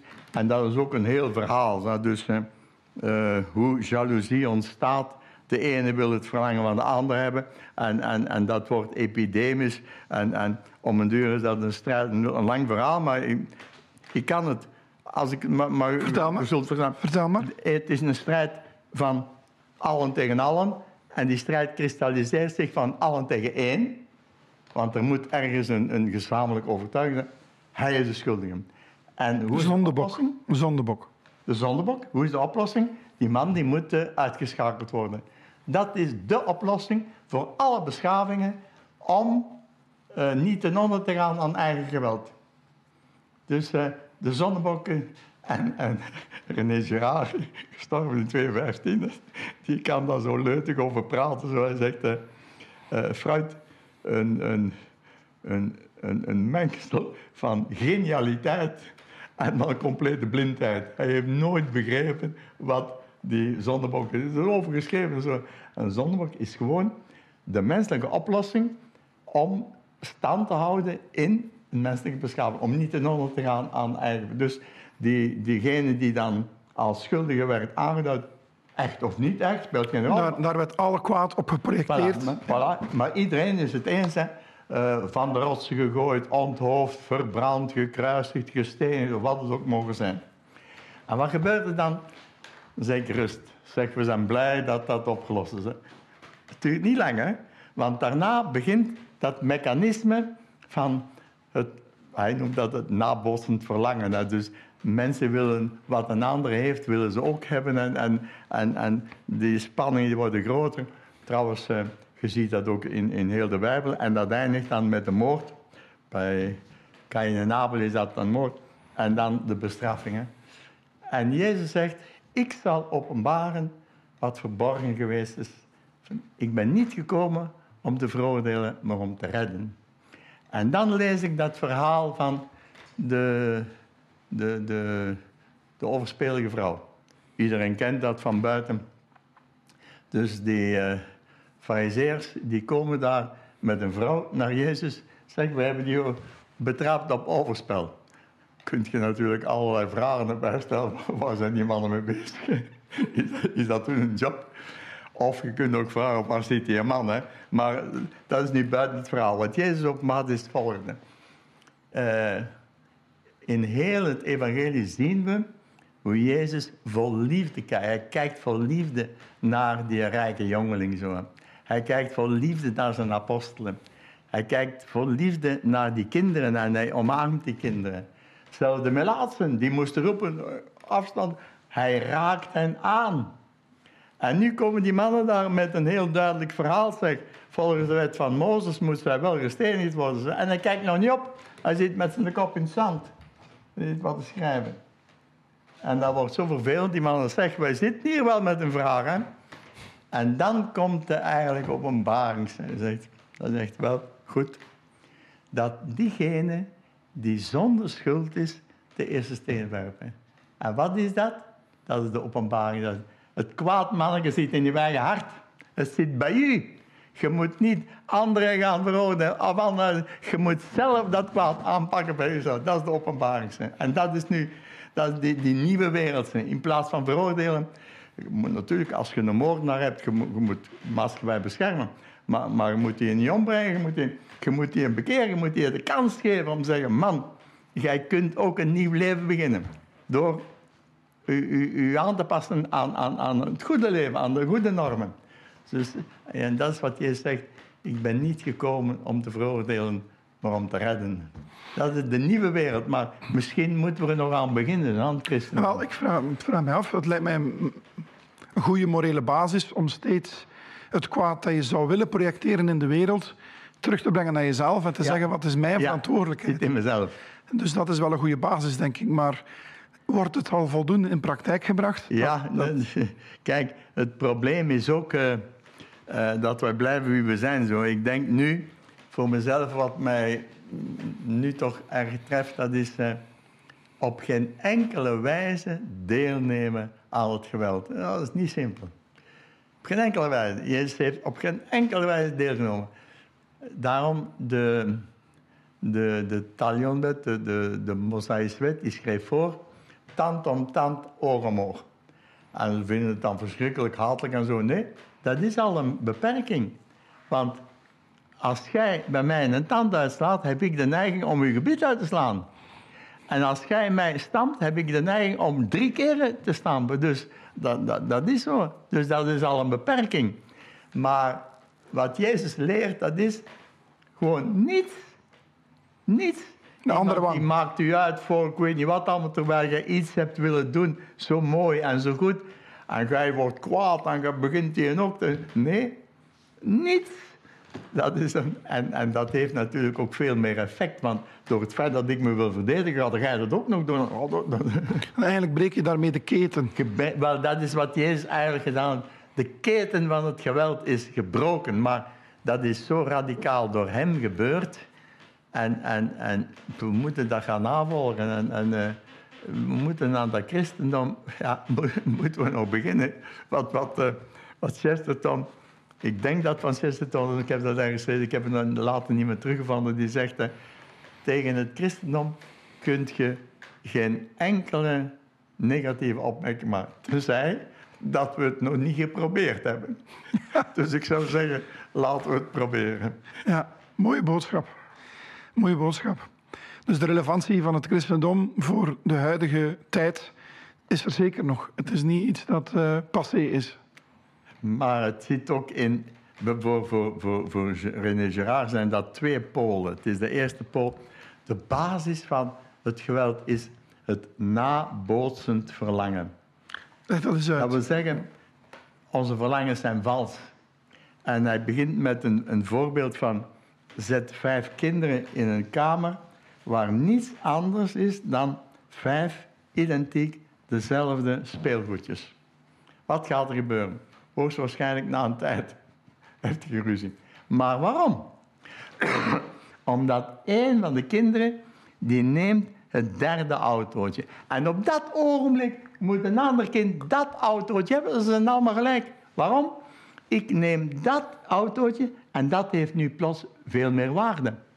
En door het feit dat een ander kind dat ook nog wil, heeft dat opnieuw voor mij meer waarde. Dus dat wordt een spiraal van geweld. En dat is de, wat hij dus, de ontnuchtering van ons hart, wat hij noemt eigenlijk de basis van. En dat kunt je toepassen op heel het leven. De, de mode, de, dus uh, als je nu zegt inderdaad, de mode, iets wat mooi is en wat praktisch is. Dus, ik, ik, ik, wil me niet aanstellen als specialist van de modeshows, maar ik weet toch wel dat dat niet over mooi gaat en ook niet over praktisch. Want ik zou zeggen, uh, praktisch, laten we dit jaar de mode lang houden. En volgend jaar een paar centimeter korter. Magnifiek, hè? je kunt dat allemaal afknippen en je kunt nieuwe dingen... Maar het is precies tegenovergestelde. Wat wordt verlangd? Datgene wat door de hoge priesters of de hoge priesteres wordt voorgelegd. En jij gaat dat daar, niet omdat jij dat wilt, maar om, jij neemt het verlangen van hen over. En dat is zo in alle situaties. Jij zit in een toneelgroep, jij kijkt op naar iemand en je wilt eigenlijk die roem van hem ook hebben. Hij is een model voor u, maar hij wordt een rivaal voor u. En hoe dichter, hoe gevaarlijker. Hoe verder, als jij ergens een, een, een, een idool hebt buiten, dat duurt dan nog eventjes. Hè. Voor de wapenwetloop precies hetzelfde. De Russen die konden destijds, uh, de Sovjet-Unie, alle leven op aarde twee keren doden. En de Amerikanen hadden dat gezien. Die gingen dat drie keren doen, alsof één keer niet genoeg is. Uh, een madame die zegt aan haar man, zegt, uh, uw buur heeft een nieuwe auto gekocht, maar jij kunt dat ook, jij hebt een grotere wedding. Dus niet de zaken zelf, maar het verlangen van anderen overnemen. En dat is heel duidelijk. Als ik nu terugkom, Kara, die kleine kinderen daar, een van die kleinen die, die komt aangelopen en uh, pakt die dan op uw schoot. Onmiddellijk is er een ander die, die, die komt vechten, want hij wil op schoot zitten. Dus het nagebootste verlangen is Nabootsend verlangen. Ja, en, en, als je dat dan toepast op de consumentenmaatschappij van vandaag... Uh, worden wij eigenlijk ook geleid door tv voilà. en, en, media. Al de reclame zo, jij hebt gezegd dat dat zo goed is en zo. Dus, en ik ga naar de bazaar. En thuis is het voor mij rommel, ik gooi het in de vuilbak en zo. Ja. Maar op, op alle gebieden ook, hè, hoe dat, maar dat is wel een enorme ontdekking van het nabootsend verlangen. Natuurlijk een ontnuchtering. Maar ik denk dat het ook waar is. En dat dat de basis is van de, de naijver. Maar in heel de Bijbel kun je dat ook zien. Hè. Dus Kain en Abel, het offer. Kain is jaloers op de, omdat hij ook, Abel, een goed hart had en het beste offerde hij en zo. En, hij, en dan, ja, dat, dat, dat vermeest je zo, totdat het de, de moord wordt. Hè. En in een hele maatschappij een heel maatschappij kan epidemisch worden zo van die, die, die, die, die, die verlangen. Dat, dat geweld, geweld. Ja. En dat eindigt dan in moord. Maar als de Bijbel zoveel psychologische lessen bevat, hoe komt het dan dat het christendom eigenlijk niet meer populair is? Wel, dat vraag me. Dat is, uh, daar ben ik een beetje kwaad op, die bollebozen van de, de, de, de, de Bijbelgeleerden nu. Er zijn mannen die veel goed werk doen en er is technisch en, en, objectief ook werk te doen. Mannen die de, de evangelies hebben samengesteld, dat is allemaal goed. Maar waarom die vitaliteit, die unieke vitaliteit? Ik, ik snap het eigenlijk ook niet. En moet niet vergeten, nu alles moet gelijk zijn. Hè? De, de, de Bijbel, de, de evangelie, dat is zoals de Koran en zo. Zo een, een, ja, een boek dat 200 jaar na de gebeurtenissen samengefranst is. In Jemen is er ooit een, een, ding in een moskee ingevallen. En daar zijn daar twee honderden van die, van, van die, van die koren die allemaal tegenstrijd tegen elkaar waren. Dus ze hebben 200 jaar later hebben ze het allemaal samengesteld. De evangelies van Jezus, dat is, uniek. Dus vanaf na de begrafenis, van, van na, na de vrijstis van Jezus, waar zat het evangelie? Dat zat in de zak van Petrus. Hij had zo een spiekbriefje bij waarschijnlijk. Want hij, hij, hij, kon waarschijnlijk niet schrijven en zo. Dus Marcus heeft geschreven. Alleen Matthäus, dat was een, een, een tollenaar, die kon schrijven. En Johannes natuurlijk. Maar die andere mannen, die, die vissers, die, die, die, zullen niet kunnen schrijven hebben. En schrijven alleen, maar ieder geval niet in staat om een evangelie samen te stellen. Dus dat werd dan met een spiekbriefje gegaan. En dan de eerste decennia eh, kort daarna zijn die vier evangelies ontstaan. Dan zeggen ze, ja, maar dat zijn vier verschillende. Als je dat leest, dat is met een klein detailverschil, omdat het voor verschillende groepen is. En in heel de wereld vind je vanaf dat ogenblik in alle mogelijke talen teksten die hier weergeven. En dan zeggen ze, ja, maar dat is allemaal veranderd en allemaal vervormd. Wie zou in staat geweest zijn om iets wat op decennia tijd verspreid was over heel de wereld, om dat overal te gaan verbeteren? Dus die authenticiteit, en er zijn wel mannen, hè, er zijn dus dat die een die, paleoloog, Theo van al Nieuw Testament, en die heeft dat magnifiek, al die dingen, documenten ontleed en zegt hij, er bestaat in heel de oudheid geen enkele biografie, maar welke keizer ook. En die mannen die hadden een heel leger, niets anders om te doen dan hen te verheerlijken. Geen enkele biografie die in de verste verte historisch maar de kwaliteit en de, de, de betrouwbaarheid bereikt van de evangelie. En dat, dat is een beetje mijn ergernis hoor. Dat men, dat men dat niet meer benadrukt. Ja, en, en, dat men daar geen aandacht voor heeft. Zo. En dat mocht je niet, want dat mag niet te veel gezegd worden. Christendom moet nu, nu, nu een beetje verminderd. En het is wel zo, iets dat gewoon is, dat wordt, ge, dat wordt gebuigd. En dan gaan we iets anders doen. En dan moet het New Age zijn, dan moet ik weet niet wat... Uh... Zou, zou dat zijn, gewoon bah, nee, verveling? Nee, nee. Of? nee, daar zit, ik denk ook wel, daar zit ook wel meer een actie achter. Zo van, uh, het christendom is de grootste aanval op het geluk van de mensen, is op, uh, op de ontplooiing, de waardigheid van de mensen. En zo. Dat moet weg, want daar moet, dat moet gemanipuleerd worden. En die manipulatie, dat, God zijn uiteindelijk is niks anders dan uh, in plaats van het aanvaarden. Want het is heel de geschiedenis van, van, van, van, van Genesis. Hè. Uh, Adam wordt in de paradijs gezet. Hij mag eten in overvloed van alles, maar niet van dat. Dus dat wil zeggen, je moet respect hebben voor God die schepper is. Hij bepaalt goed en kwaad. Hè. Maar jij mocht in overvloed genieten, in afhankelijkheid van alles. En dan komt het eerst het verlangen van de serpent aan, die het verlangen in de vrouw schuift. En van nee, als je dat doet, dan gaat je met fantasie, dan gaat je zelf God worden. En daar begint het dan. Hè. En ook de, de man, die, die heeft ook uh, fruit genoeg. Wat, wat wil die dan? Maar hij neemt het verlangen gewoon van zijn vrouw over. Weer, weer nagebootst verlangen. En zo. Mhm. En dat, nog een mooi verhaal vind je bij... Uh, bij, bij Salomo, dat, die, twee, die twee vrouwen daar. Hè. Dus twee vrouwen hebben op een nacht, of op dezelfde periode, een kind. Eén vrouw is op dat kind gaan liggen en dat is dood aan het anders leven. En dat is de wijsheid van Salomo. En dan, die komen met dat kind, komen naar daar. En die beschuldigen elkaar en die zeggen allebei hetzelfde. Dus mijn kind leeft en haar kind is dood. Mijn kind leeft. Ja, wat, kan Salomon doen? En Salomon heeft een illustre idee. Hè? Oh wel, goed, zegt hij. Uh, geef mij een zwaard en we zullen dat kunnen in de helft doen. Ik heb het allebei het beste. En hij zegt, ja, in orde. Want dan weet zij, die andere vrouw, die de moeder is van dat levende kind, die heeft niet meer dan ik. Ik heb dan wat zij heeft. En de andere vrouw die zegt, oh, laat het, geef het aan haar. Heel het leven waarvoor zij geleefd heeft, geeft zij op één seconde geeft zij af voor het goed van dat kind. En, en, en Salomon zegt wel, dat is, uh, dat is de moeder. En dat is wat Jérôme Lejeune, hij heeft in zijn boek nog gegeven, in, in Amerika is er ergens een discussie geweest van man en vrouw die uit elkaar gegaan waren, die hadden hun, hun embryo's ingevroren en zo. En die moeder die wilde die bewaren, die man wilde dat vernietigen. En uh, uh, Jean Lejeune, die is naar daar gevlogen, die heeft dat getuigd. Hè. Magnifiek. Hij zegt, ja, aan de rechter roept hij op om een uitspraak te doen die alle 3000 jaar maar een keer gebeurt. Hè.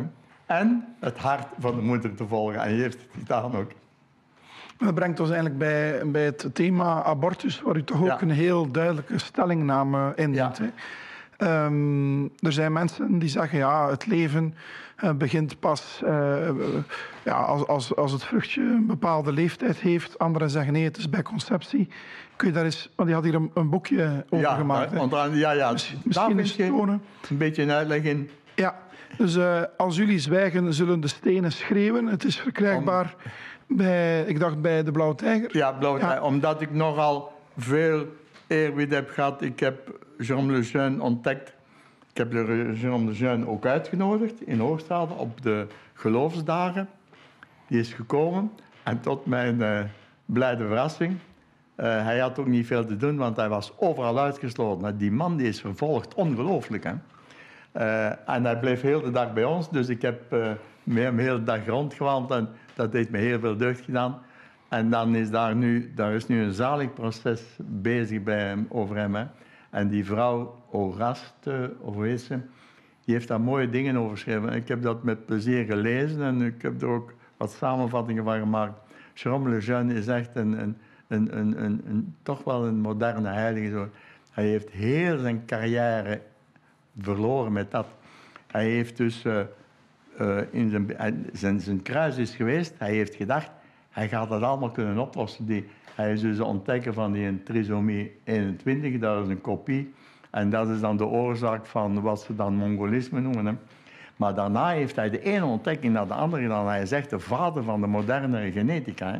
En dan heeft hij in, eh, in Amerika, in die club daar van de, de genetici, de hoogste prijs gekregen. Hè. Van, en die voorzitter, beschrijft hij dan mooi, die voorzitter die zegt hem, zeg, over geloof moet je niet praten zo. En hij zegt, ja, ik zal zeggen wat ik moet zeggen. En hij heeft daar natuurlijk een fel pleidooi gehouden. Ik ben ook geen bioloog, maar magnifiek, hè? hoe dat eh, het leven begint op het moment van de conceptie.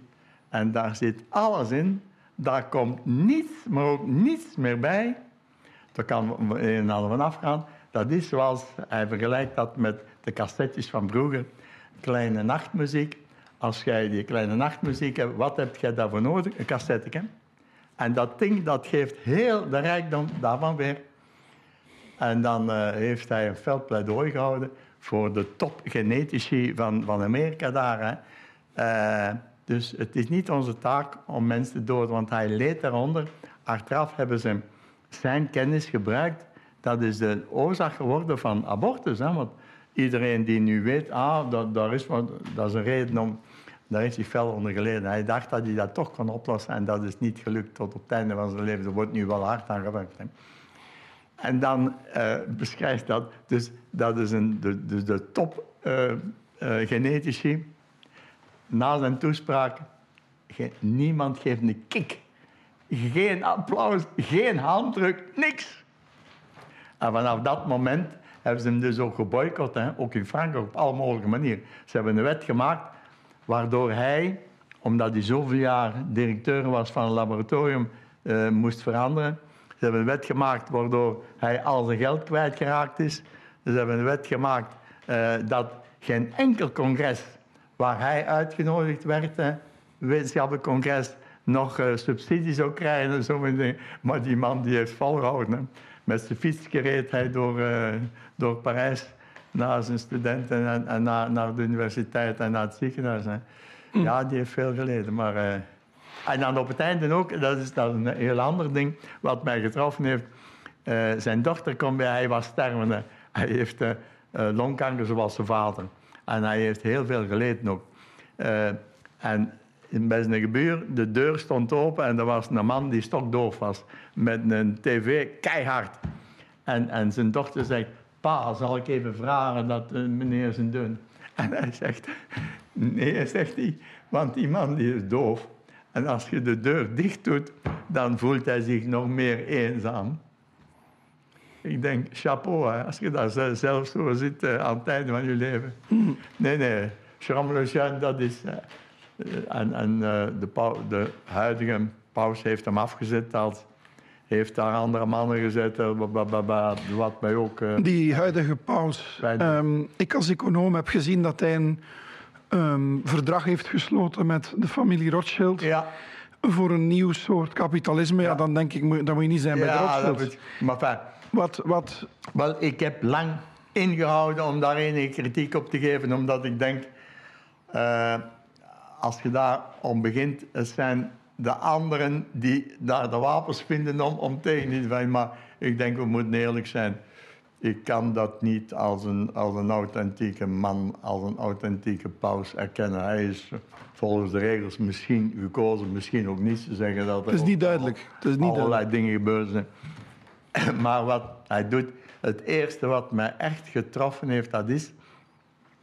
Hij heeft in zijn eerste encycliek, zijn daar vier kardinalen geweest, die wilden met hem even praten.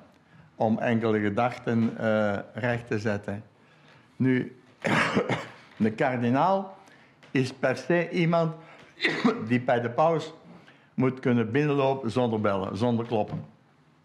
Hij heeft die man laten staan, er zijn er al twee gestorven. Er is daar een kardinaal van China gekomen, die wilde met hem overleggen om te zeggen eh, dat die onder onze kerk, dat je die niet mocht verkopen aan het communisme. Die man is van China gekomen, hij heeft hem op eh, Sint-Pietsplein laten staan. En dat was voor mij iets te veel. Zo. Maar over welke jaren ben je nu bezig? Dat is nu, Nu. ja, een paar jaar geleden. Hè. Maar en, en deze, de Dubia, die kardinalen, die wouden met hem praten. Maar die hebben het dan in de openbaarheid gebracht. Maar niet om, om in de openbaarheid te komen, maar omdat ze gewoon niet konden. En omdat ze voor hun sterven toch nog wilden zeggen... We zijn eigenlijk toch niet akkoord met een aantal dingen. En dat is het dubbelzinnige van deze pauze. Hè. Weet je- Goed en niet goed. En eh, hij laat het allemaal in het midden. Zo een beetje, het geeft mij een beetje de indruk van een NGO die zich aanpast aan de New World Order. Zo, hè. Om, om, om, om succes te hebben. Ja. Eh, wat mij altijd gefascineerd heeft bij deze paus is... Ja, er was nog een paus. Ja. Normaal gezien de paus blijft aan tot hij sterft. Ja. En nu onlangs is eh Ja. Ratzinger... Nu, nu Dan- schijnt dat eh de Zeewald, dat was eigenlijk toch wel een beste eh, biograaf, denk ik, gezegd heeft dat de eigenlijke reden toch was een totale uitputting. Dat Benedictus, hij sliep niet meer. Hij kon, en, en ik denk dat in het Vaticaan, zeker nu, maar ook toen, heel wat te regelen was. En eh, Johannes Paulus, die had eh, in zijn vitaliteit, die had eh, gezag. Hè? Ze zeggen altijd, als ik eh, in Rome studeerde nog eens, zei ze, het verschil tussen Johannes Paulus en de andere pausen is, iedereen was paus, maar Johannes Paulus II wist dat hij paus was. Ja. En die zei, zo hè. Maar denkt u dat het, dat het zo triviaal is als ehm Ratzinger die dan te moe wordt? Ik heb daar steeds veel meer achter gezien. In, in die zin, eh, we- er zijn heel veel mensen die denken dat we naar de eindtijd aan Ja, het ja, gaan dat zijn. denk ik ook. En dat er, dat er ook op het hoogste niveau, vooral op het hoogste niveau, ehm, dingen in gereedheid worden gebracht Ja. om te komen tot een soort verwaterde eh, globale godsdienst. Wel, Zie je daar niet eerder... Wel, dat je, Paulus die schrijft in zijn eh 2 Corinthiërsbrief, hè, dus dat de antichrist zal komen, maar hij zegt, zoals je weet, wordt hij nu nog tegengehouden. Ja, je weet wat hem tegenhoudt, hè, maar dan zal hij komen.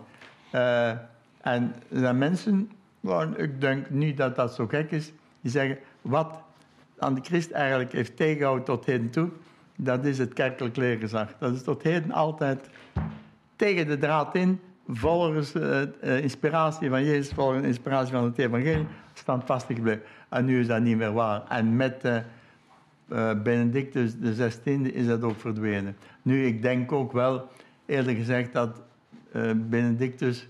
Met Franciscus, wil je zeggen. eh, nu, van dat, maar dat Benedictus geen, geen, geen sterke leider was.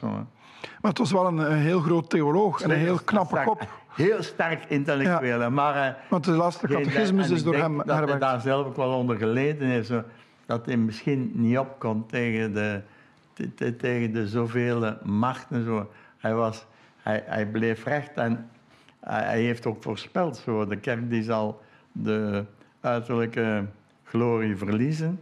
En dat zullen kleine groepen worden van overtuigd men die opnieuw aantrekken, omdat ze zo kleine groepen zijn. Maar hij, kijk, tijdens het conclaaf van eh, waar, hij, waar Benedictus XVI gekozen is, dan moet er een van die kardinalen, ik ga hem niet noemen in Duitsland, die de felle tegenstander van hem was, gebeld hebben langs en wat strikt verboden is. Nou, dat is dus de, de kardinalen gaan conclave in en alles wordt stilgelegd. Hè. En eh, Benedictus wist dat. Maar omdat hij Duitser was, en hij Duitser was, hij wilde niet, ik ben nu Paul, ik ben ik nu de macht. Hè. hij, hij, hij deed dat niet. Hij, hij, hij, hij wilde zijn macht niet opleggen. Trouwens, ik denk dat Benedictus heel zijn leven bijna al de dingen gedaan heeft die hij eigenlijk niet wilde. Hij was een, een, een denker, schrijver, hij bidden. En voor het conclaaf trouwens heeft hij met zijn broer Georg, die toen nog leefde, een afspraak gemaakt om een huisje in Beieren daar, dat gingen ze samen daar betrekken. En, en daar gingen ze dan schrijven en doen. En dan is hij dus onverwachts tot Paul, want hij heeft daar volgens mij geen enkele moeite voor. Hij heeft dat heel mooi gedaan, die begrafenis. Maar... En dan heeft hij die zucht gelaten. Ook dat nog. Hè. Trouwens, uh, Paulus, de, Johannes Paulus II heeft hem naar Rome geroepen om perfect te worden van, van, uh, van de congregatie van het geloof, wat toch een van de hoogste functies was, sterkste functies. En hij heeft gezegd, geef me een jaar bedenktijd. En dan is er een naslag geweest op Johannes Paulus II. En Johannes Paulus II gezegd, bedenktijd is voorbij, je moet komen. Maar hij is toch de man die de catechismus heeft herwerkt? Ja, ja, ja, ja. De, de, de, de dynamiek daar hebben heel veel aan gewerkt. Heel groot. En dat is ook een groot werk. Zo. Dat is voor het eerst in de geschiedenis van de kerk dat er nu een officieel en uitgebreid document is waarop je kunt... Wat leert de kerk over dit? En, maar het is bijna niet meer te vinden. Het is niet, meer, het is niet meer een druk, als ik het goed begrijp. Niet, ik, denk dat wel, in alle talen zo. Ja, maar, toch? Maar dat is ook iets van onze bollebozen die, uh, die, die, die, die, denken dat ze origineel moeten gaan zijn en dat ze met de wereld moeten meedoen en zo. In plaats van dat is, dat is zeer goed uitgewerkt. Hè. Hm. Goed, ik denk dat we eens een pauzetje gaan nemen. We gaan een wel goed, en, met uh, plezier. Ja, en dan gaan we verder. Dan gaan we verder. Oké. Okay. Voilà, beste mensen, we hebben eventjes pauze genomen en ondertussen heeft men, is men zo lief geweest om uh, hoesttabletjes te gaan halen. Maar wat misschien nog beter de keel smeert, uh, Pater Daniel, is het overheerlijke postelbier. En we gaan ons niet uh, te buiten gaan aan alcoholische dranken, maar ik herinner mij de vorige keer dat we hier zaten, hebben er ook een paar genuttigd en dat was toch ook de moeite. Dus voilà, ik denk dat we... Ik heb niet het volume om veel uh, alcohol te verwerken, maar ik kan af en toe wel een, uh, een pintje verdragen. Ja. Het is lekker bier. En jullie hebben ook kaas, die de moeite is.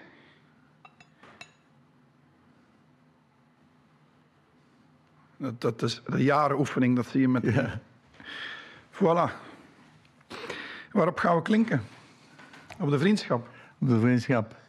En de gezamenlijke strijd. Yes. Voor het wakker worden. Die we nooit gaan En opgeven. mensen wakker, wakker schudden. Dat is het. Ja, lekker. Ja, want dat wakker worden.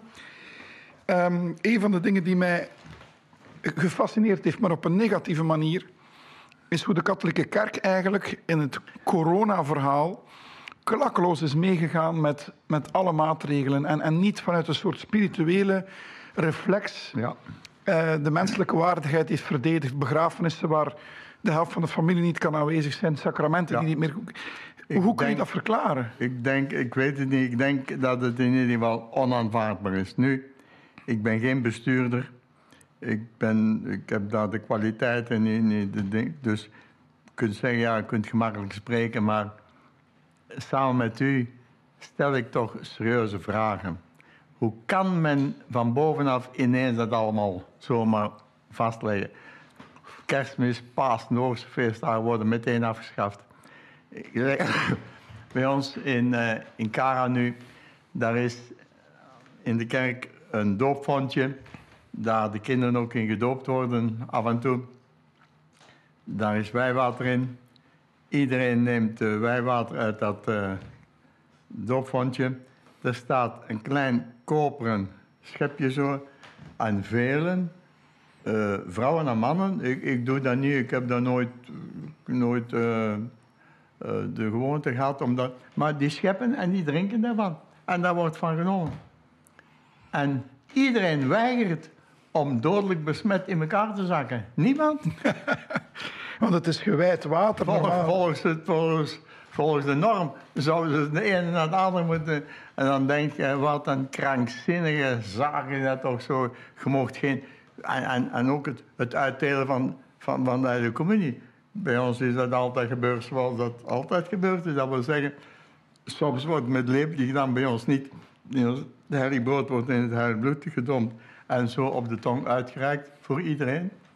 En er is niks aan de hand. De, de, Hoe komt het dat, dat de katholieke kerk daar eigenlijk, en al, alle andere kerken eigenlijk ook, daar zonder enige vorm Ja. van kritiek in meegegaan zonder enige... Want als het gaat over het kwade, dan leert het christendom toch dat het kwade vele vermommingen Ja. heeft. En dat het nooit aan je deur gaat kloppen en zeggen... hey, ik ben het kwade en ik ga jou nu Ja. het leven zuur maken. Het kwade leeft van de leugen. Maar ik denk dat het ook een geleidelijke aanpassing is. Hè. Men leert zich als bestuurder een beetje aanpassen aan de openbare opinie. En men heeft niet door dat dat verder en verder gaat. Hè. Wat mij getroffen heeft van de, de nazi-tijd ik heb dat een keer gelezen en ik denk dat het ook zo is. Er zijn een aantal nazi-kopstukken die met opgeheven hoofd gestorven zijn. Hè. En die overtuigd dat zij het goede gedaan hebben. Hè. Als jij gaat hakken, dan vallen er Spaanders natuurlijk. Als jij u voor een ideaal inzet, het ideale eh, Duitsland van het Ares-ras, ja, daar zijn natuurlijk altijd wat nadelen aan. Hè. Maar om een duur wordt dat zo gerokken dat 6 miljoen mensen vergassen. Dat is een, een, detail dat jij geen zicht meer hebt. En waarom? Omdat jij omringd wordt door mensen die allemaal hetzelfde denken. Nu zijn er een aantal van die kopstukken in Denemarken geweest. En die waren totaal de kluts kwijt. Omdat er andere mensen zeggen, "I- i- i- is dat nu menswaardig? Mensen vergassen en, en gehandicapten, is dat de opbouw van? En dan begint men, en ik denk, als je in een omgeving leeft, zoals dat nu met de media is, hè, iedereen weet dat de, eh, alle kwaad komt van, van, van Poetin. Eh, iedereen moet eh, Oekraïne helpen. Het meest corrupte land en het meest corrupte regime dat er ooit geweest is. Veel erger dan, dan nazisme. Maar als dat allemaal zo gezegd wordt, iedere dag opnieuw, dan doe je mee. En je hebt niet meer de weerstand om voor jezelf te denken. En dat is dat, dat, dat complotdenken zo, wat dan ook nog eens handig uitgespeeld wordt door, door de CIA. Hè. Dat vind ik ook jammer dat er zo weinig nadruk gelegd wordt op waar komt dat vandaan? Maar ze zijn een complotdenken. Zeg maar, waar, hoe komt het dat jij zegt, dat jij mij verwijt dat ik denk, van waar komt, weet je dat? Zo, wel, en dat schijnt dan toch van na de moord van Kennedy te zijn. Kennedy, die dus vermoord is door Oswald vanuit de, de vijfde verdieping van dat pakhuis, van dat boekenhuis, eh, in de rug geschoten. En ehm, dan zijn er toch een aantal bedenkingen geweest. Ja, maar eh, Kennedy, hij was eigenlijk tegen die Federal Reserve. Hij was tegen dat eh, militair Industrieel complex. industrieel complex dat dat machtiger werd. Hij was er tegen dat Israël atoomwapens had buiten alle controle om. Hij was iemand die toch wel het recht en de rechtvaardigheid wilde. Op en dat was toch wel iets te veel zo. En dan blijkt dat hij gedood is door een kogel van voor, van vlakbij. Ja, hoe, hoe kan daar een man daar achter in de rug? Hè? En uiteindelijk zijn er dan, ik denk dat nu meer dan de helft van de eh, Amerikanen overtuigd zijn dat het de CIA, dat, het, eh, dat ze het zelf allemaal georganiseerd hebben. En dan heeft eh, de, de, het Pentagon zich verdedigd, de CIA, door het complotdenken uit te denken. Dus iedereen die niet het officiële verhaal volgt, dat is een complotdenker. Dat was het woord dat ze Woord. toen gelanceerd En hebben. nu is dat ook zo een slogan. Als jij eh, bij wilt zijn, oh, we zijn een complotdenker. Dat wil zeggen, ik ben het. Terwijl iedereen nu ziet dat al die zogezegde complottheorieën, de meeste daarvan, dat zijn verhalen die werkelijk zijn en die pas een half jaar later in de krant komen. Dan komen ze wel in de krant. Hè. Ja. Ja, en als ik dan denk aan de centra waar zo'n plannen worden gesmeed, eh, dan denk ik aan, aan, aan, aan Davos met het World Economic Forum. Ze verbergen het zelfs niet meer. Ze zeggen Ja, het open. ja, dat is ook zo. Ze bergen niet meer. Hè. Nee. Dat is, eh, dus er is zelfs man- geen complot meer technisch Die mannen die komen daar met duizenden of meer van die jets. En die mannen komen vertellen dat iedereen met de fiets moet rijden om het, eh, om het klimaat te redden. Hè? Ja. Dus ehm, de, misschien moeten we het woord complotdenker als een geuzennaam gaan gebruiken. Ja, Ik weet het niet. ja. Hoe, hoe sta je daar En, tegenover? en ook, ook, ook niet bang zijn. Maar ik denk dat meer en meer mensen daar wel van, van overtuigd zijn, stilaan. Zo, hè. Dan- Maar wat ik ook niet begrijp is dat eh, eh, die verhoudingen, dat wordt totaal uit het oog. Dus in, in, in Oekraïne schijnen er 8000 of 10.000 burgerdoden. te zijn. Dat is verschrikkelijk, hè? Iedereen, iedereen burgerdood, dat is... Maar in Syrië zijn er wel 400.000, minstens 400.000. hè. Dat- dat- dat- Nee, dat speelt geen rol, hè? Maar hoe komt je daar nu toch toe zo? En daar mocht je niks van zeggen, want dat is natuurlijk... Assad heeft dat gedaan, hè? Maar dat daar een paar criminelen eh, in, in die coalitie, die, die, het collectieve Westen zitten, die heel die zaak zo in handen houden en die manipulatie, ja, dat is wel bijzonder ergerlijk. Dat mensen daar niet wakker voor worden, zeg maar. Die, die, die En- mannen die moeten de bak in. Denk je dan dat er achter het wereldtoneel wel degelijk een, een soort secte zit? Ik heb mijn, Ah, ja. vo- mijn vorige interview was met eh, Anneke Lucas.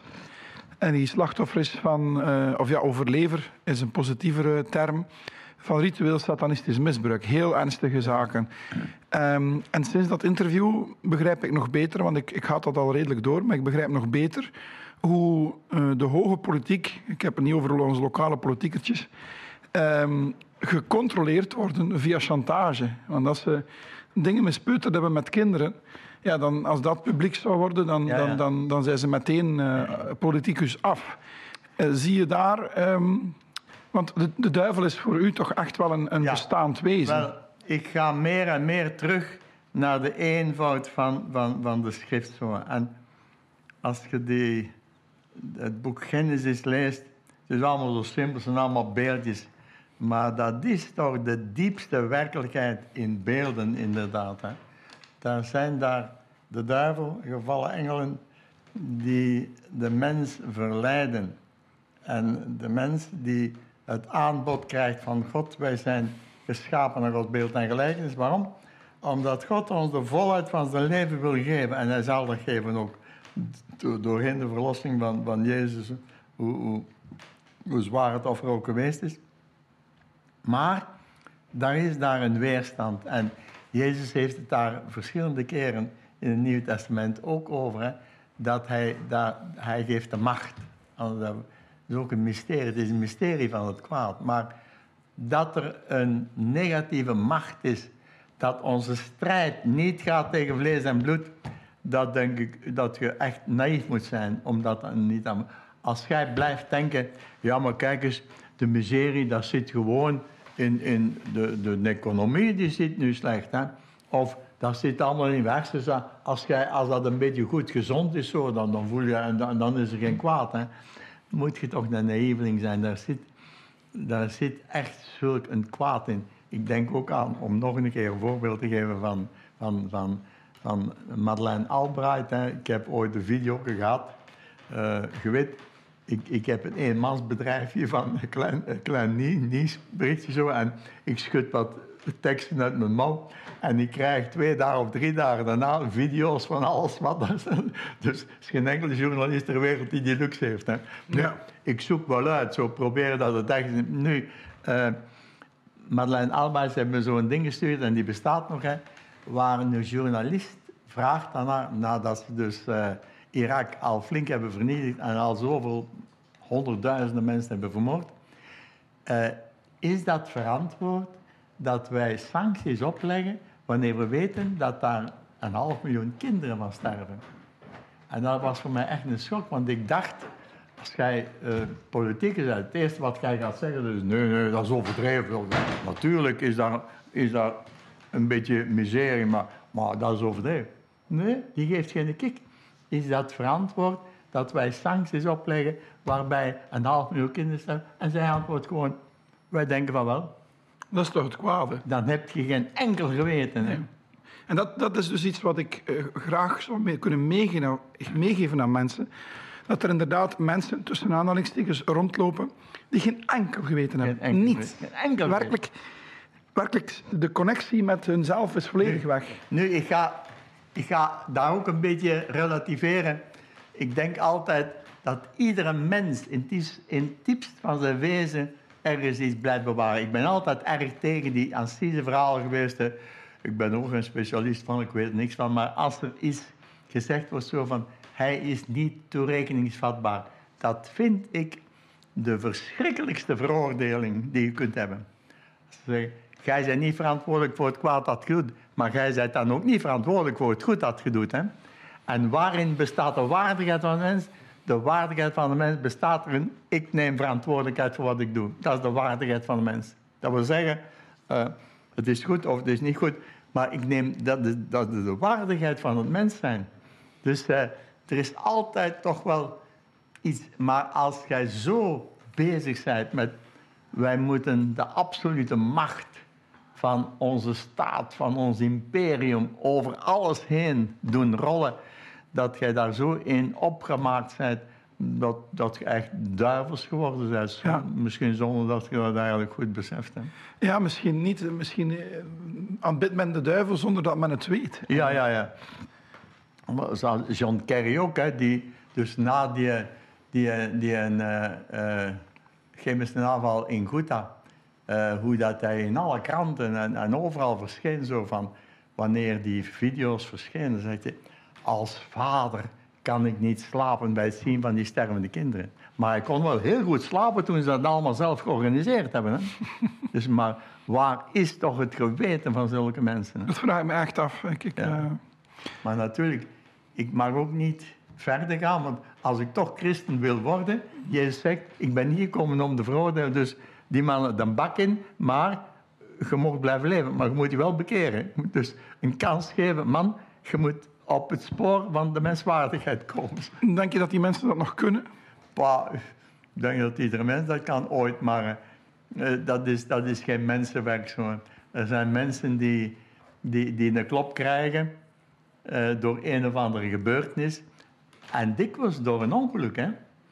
Ik heb hier een goede vriend gehad, dat was een zwaantje.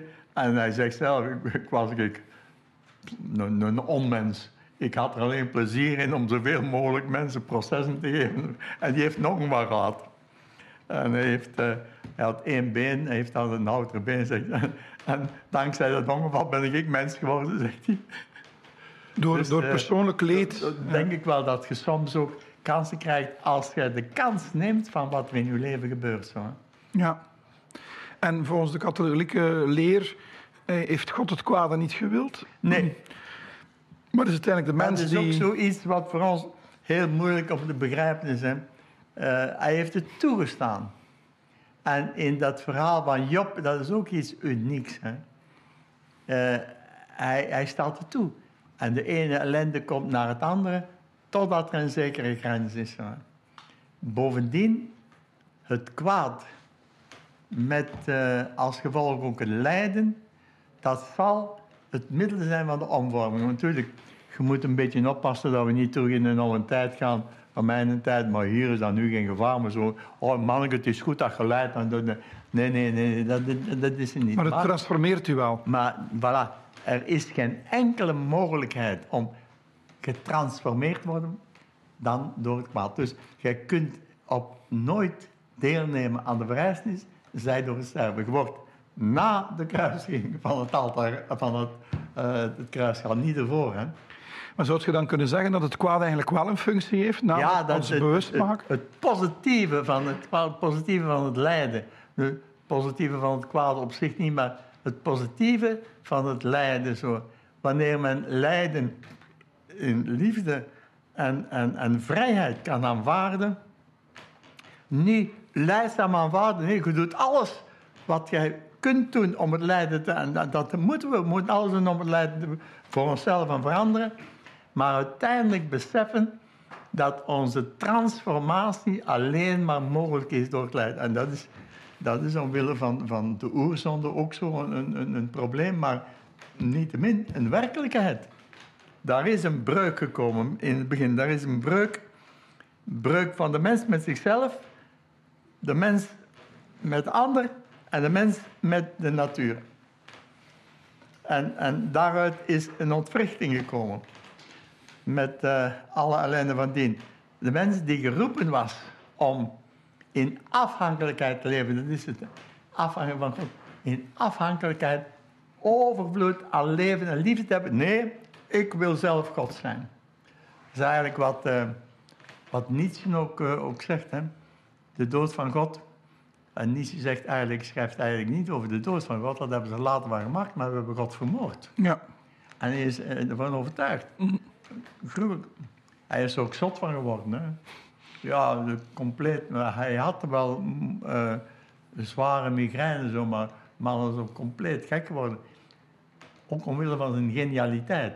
Ik denk dat, uh, dat, dat, denk ik soms, dat Nietzsche een van degenen geweest is die op zeer heldere wijze het wezen van het christendom heeft, begrepen. Maar ik doe niet mee.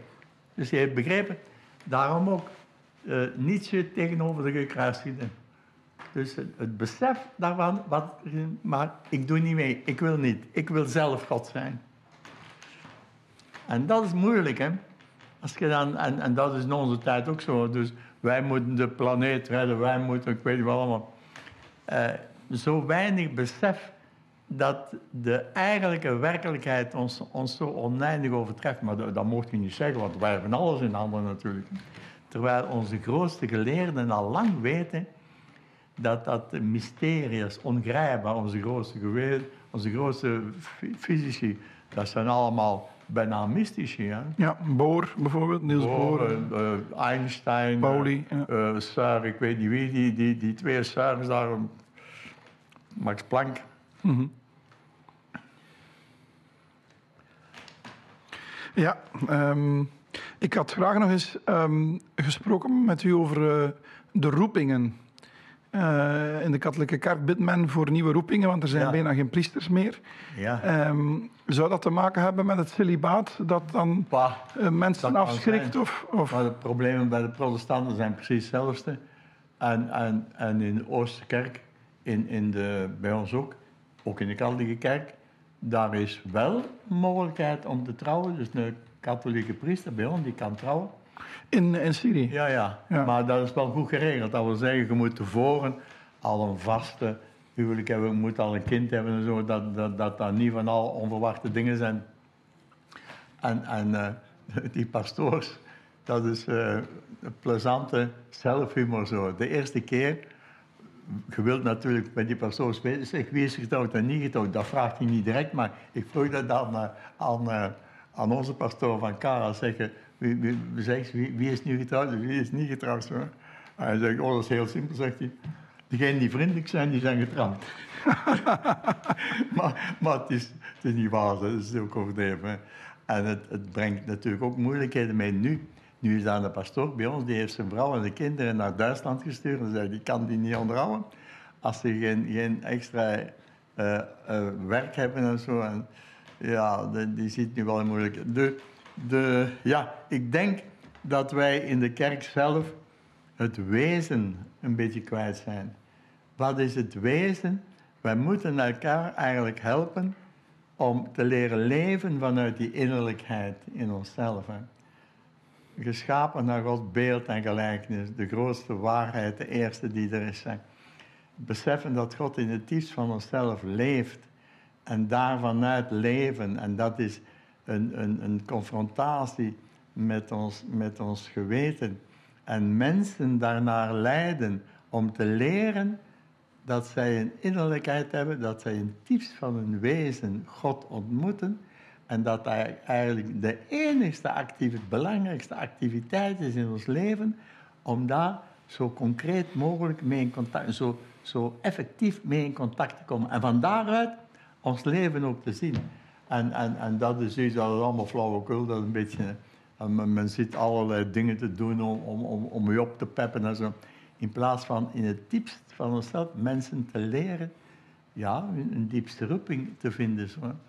En dat is één zaak, denk ik, die, eh, waar we aan zouden kunnen werken en moeten werken. En we hebben dat voor de oorlog magnifiek kunnen doen. Met een groep jongeren, maar het is maar één keer gelukt. Dus een beetje werken, eh, eh, een beetje ontspannen.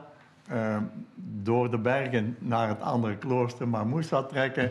eh, en dan ook engelenconferentie zo van, niet van, zeg, kom eens, kom en zie, kijk eens hoe, kom nu. Nee, nee. Wat zit er in u? Hebt jij al ooit nagedacht over wie jij zijt? Hebt jij ooit nagedacht over geschapen naar Gods beeld en gelijkenis? Dat de enige en de echte waardigheid, van, dat zit in jezelf. En niet dat je dat kunt en dat je het hebt en dat, dat, dat een perspectief. Nee, nee, jij bent geschapen. Je bent geroepen om bemind te worden en om te beminnen. En, en dat is de, de, uw persoonlijkheid waar, waaraan je moet werken. Waaraan jij en waar je tijd aan moet besteden. Uh, ik hoef daar niet veel voor te zeggen. Als twee mensen van elkaar houden, dan moet dat niet meer veel. Dan, dan zit dat in het diepst van hen. En dan is dat de, de mogelijkheid om zichzelf te geven. Dus uh, de zin van het leven is: God, gij hebt mij geschapen, ik wil mij geven voor de mensen om me heen met de gaven, met de beperktheden die ik heb. Een mens is, ik weet niet of ik het al gezegd heb, maar als een oog. Een oog dat zichzelf ziet, dat is ziek. Dus uh, een mens die, die, die, is ziek. Een mens die zich kan inzetten voor anderen, die zich kan inzetten met anderen, voor anderen, wel, die leeft. Wij leven voor anderen. En dat is niet een, een vrome preek voor priesters of voor religieuzen. Dat is voor gehuwden, dat is voor iedereen zo. Zet je ergens in een zak of zet je gehuwd. Het, het, het doel is eigenlijk ik, ik, ik, ga mezelf geven het liefde voor de ander en de ander uh, voor mij. En samen bouwen wij een gezin op. Dus het geven van zichzelf. De waardigheid van, van de inzet in vrijheid en liefde. De zelfgave. Ja, mooi. Maar, maar er is ook geen ander, de, de, de, ook geen ander doel. Ik denk, er zijn zoveel jongeren nu die, die niet weten waarvoor ze leven. En je kunt wel goede bedoelingen, plezante dingen zijn, maar als jij je niet kunt inzetten, en dat ziet je ook, er zijn jongeren die hebben zo ergens een ideaal, en dat kan langs de zijspoken zijn, om zich, wel, dan begint dat te leven. Hè. Maar als het alleen is voor zichzelf, dan gaat je vlug ontgoocheld worden. Zo. Dus leven voor een ander, dat geeft, u, dat geeft u zin. En Matthias schrijft dat, ik heb daar een commentaar op gegeven. Hij schrijft altijd, leven voor een ander met een hoofdletter. En ik begrijp niet goed wat hij daarmee bedoelt, want het is niet in religieuze zin. Ik denk dat dat een referentie is naar uh, Lacan. Uh, ah ja, waarin, ah ja. Uh, waarin het gaat ook over de ander, ah, daar. ik ben niet zeker. Ik vind het wel mooi. Ja, ja, ja. ja dat geeft jouw bestaan een, een zekere zin. Hè. Ik bedoel, als je het leed kan verzachten van een andere persoon. Um, ja, neem vooral nog een slok.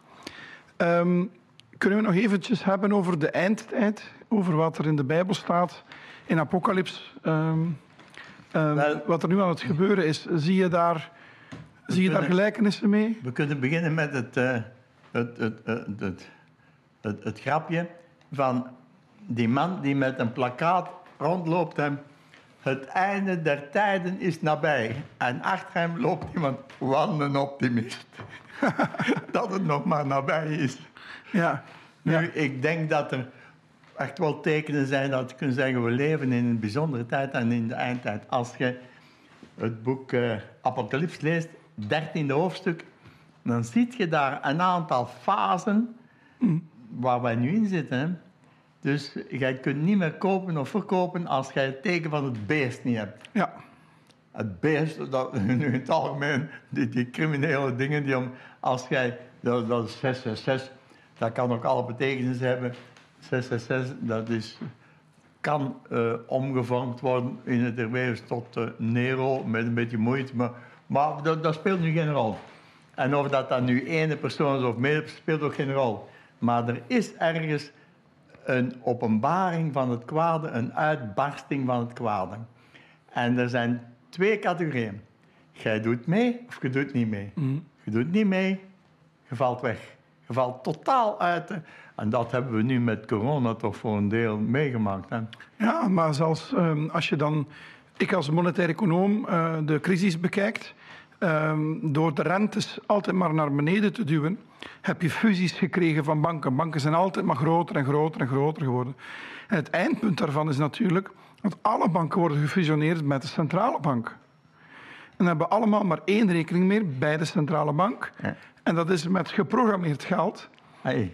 En als het gaat over 666, er is een patent van Microsoft dat ehm, het, ehm, ehm, het betalen van geld verbindt aan het lichaam. En dus als ik me In een niet... chip of wat? Ja, zoiets. En als ik me niet vergis, staat dat ook in de Bijbel, dat een teken, een Ja, ja. merkteken op het Het voorhoofd... teken op het voorhoofd of de hand. Wie dat teken niet heeft, die mag niet kopen en verkopen. Ja, want nu is het al zo dat als iemand van terrorisme wordt beschuldigd, they freeze eh, de rekening, dus ze kunnen niks meer mee doen. Dus ik vraag me af, naar de toekomst toe, dissidenten die niet willen meedoen, ja, die worden gewoon bevroren in al hun rekeningen. Ja. En in China is het zelfs zo dat er een, eh, een controlesysteem is waarbij als je omgaat met een dissident, Dan heb je het ook al dan heb je er ook, eh, ook al punten af. Dus ja, als ik dat zie en dan lees ik de Bijbel, dan denk ik van ja, jongens, Dat is aan het gebeuren. Dat gebeurt. Eh, maar dat denk ik, ik denk dat wel. Maar dat zou dan ook willen zeggen dat één, de antichrist dichterbij komt, maar ook de wederkomst van Christus. Ja, ja, ja, ja. Maar daar komt wel een door het ander. Het is niet voor de catastrofe. Het is de, eh, wat Jezus herhaaldelijk zegt is, jij moet je voorbereiden op lijden. Want eh, je zult voor rechtbanken komen, je zult voor... Dus eh, het is na het, het, het, het door- doorleven van het lijden. En het blijft wel ongrijpbaar, het blijft on, onvatbaar zo.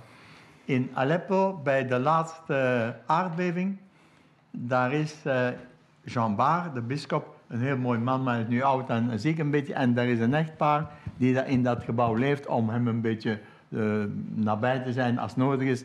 Nu, die waren ziek. Die moeder moest naar het ziek, die vrouw moest naar het ziekenhuis, die man ook. En er was dus niemand. En de priester, die, eh, hoe heet die ook weer, hè? Die, is levend begraven onder, de puin, nu bij de aardbeving. De enige keer dat hij niet op zijn appartement geslapen heeft, die zegt, ja, maar ik ga de plaats nemen. Als dat nodig is, is dat niet nodig, maar voor de veiligheid. En wat is er gebeurd? Dat gebouw is in, bij die aardbeving is in twee gespleten. Hij is levend begraven en Jean is bewaard gebleven. En is dat wat Jezus zegt, hè?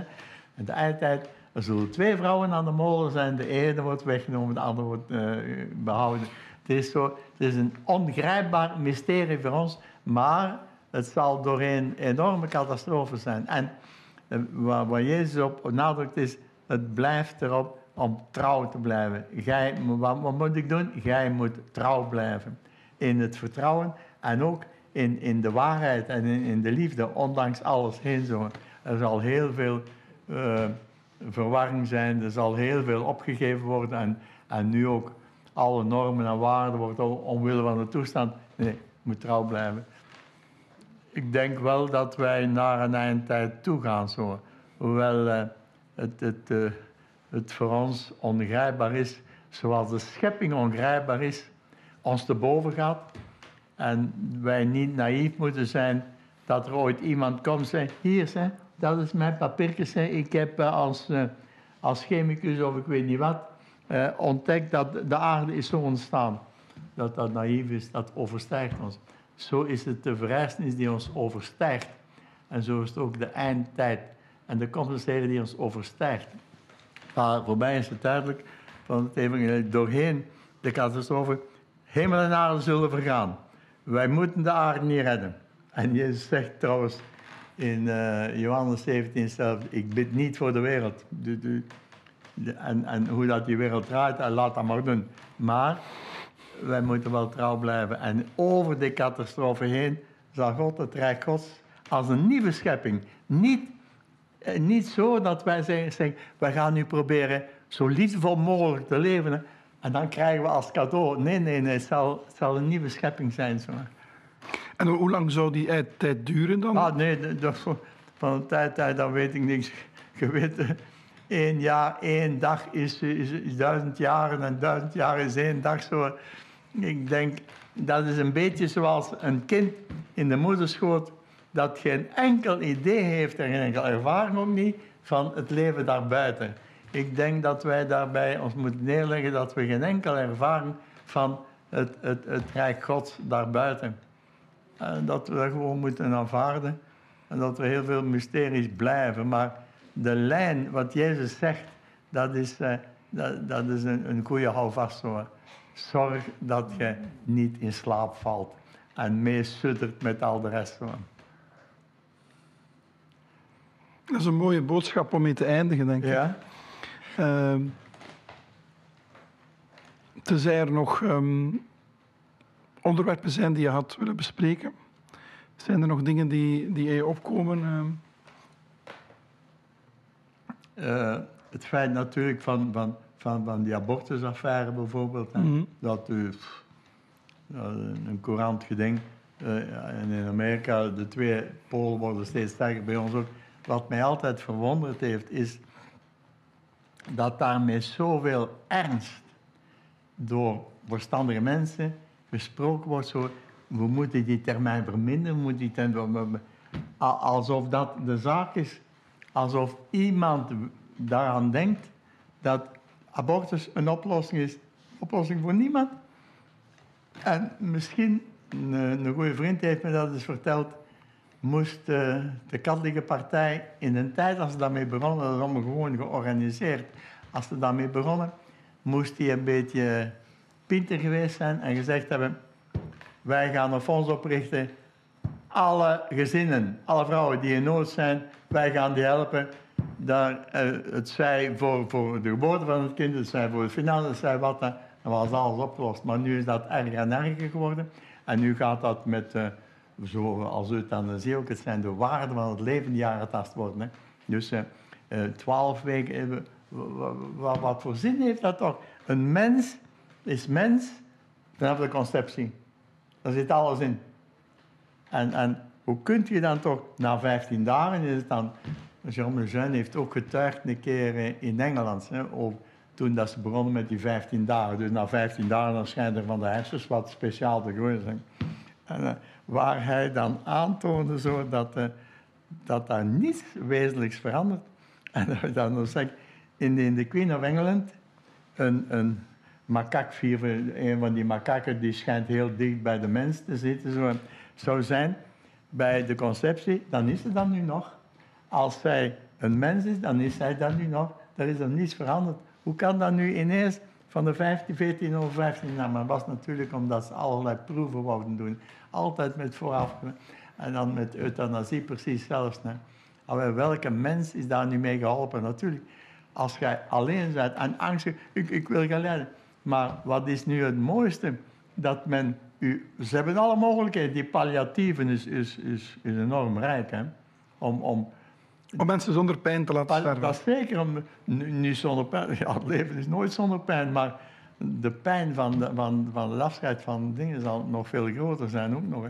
Ja, ik heb dus eh, een achttal jaren zeker dienst gedaan in de eerste palliatieve dienst in Vlaanderen. Niet als vrijwilliger, niet als zelf, niks. Gewoon, want het was ook eh, een vrijzinnig polwerk.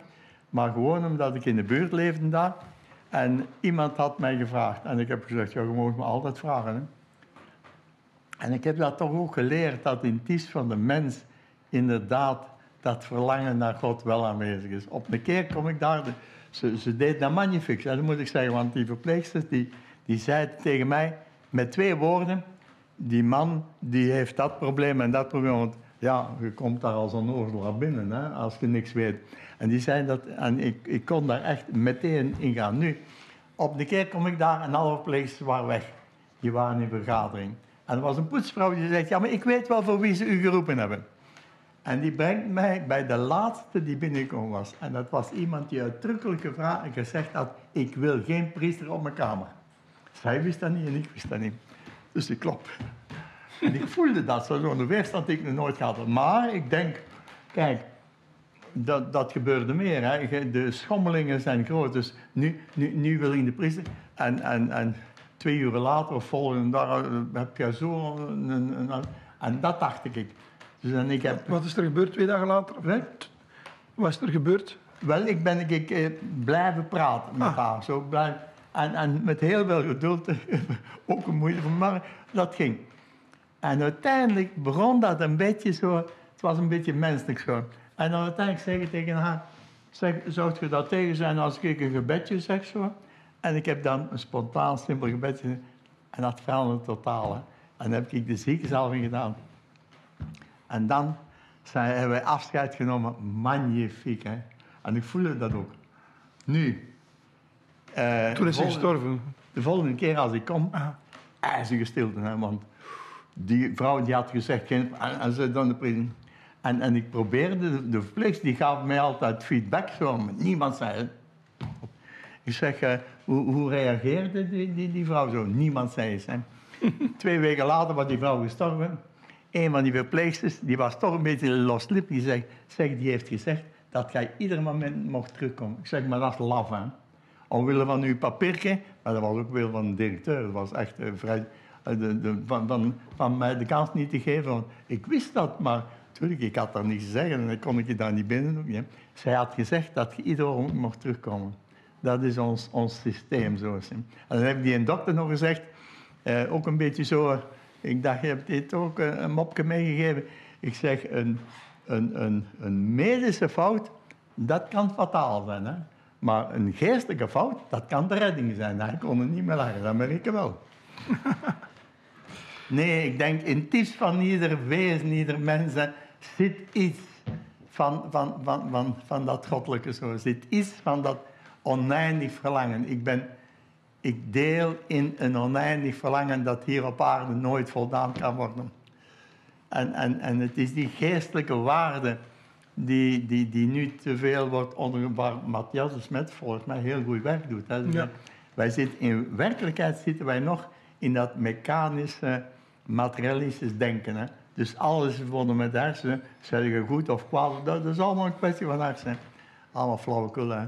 Het leven is oneindig meer, oneindig ingewikkelder. En er is voor ons toch een onvergrijpbaar mysterie. Ofwel aanvaard je dat? Kijk, ehm, als je beseft dat wij niets te zeggen gehad hebben aan het allerbelangrijkste van ons leven, da- daar word je toch zot van, hè? Dus eh, jij wilt toch beslissen als ze voor je deur, ik weet niet wat, dan je zeg maar, ik wil hier er ook wel mee beslissen. Ik wil medezeggenschap. Medezeggenschap over 101 ding.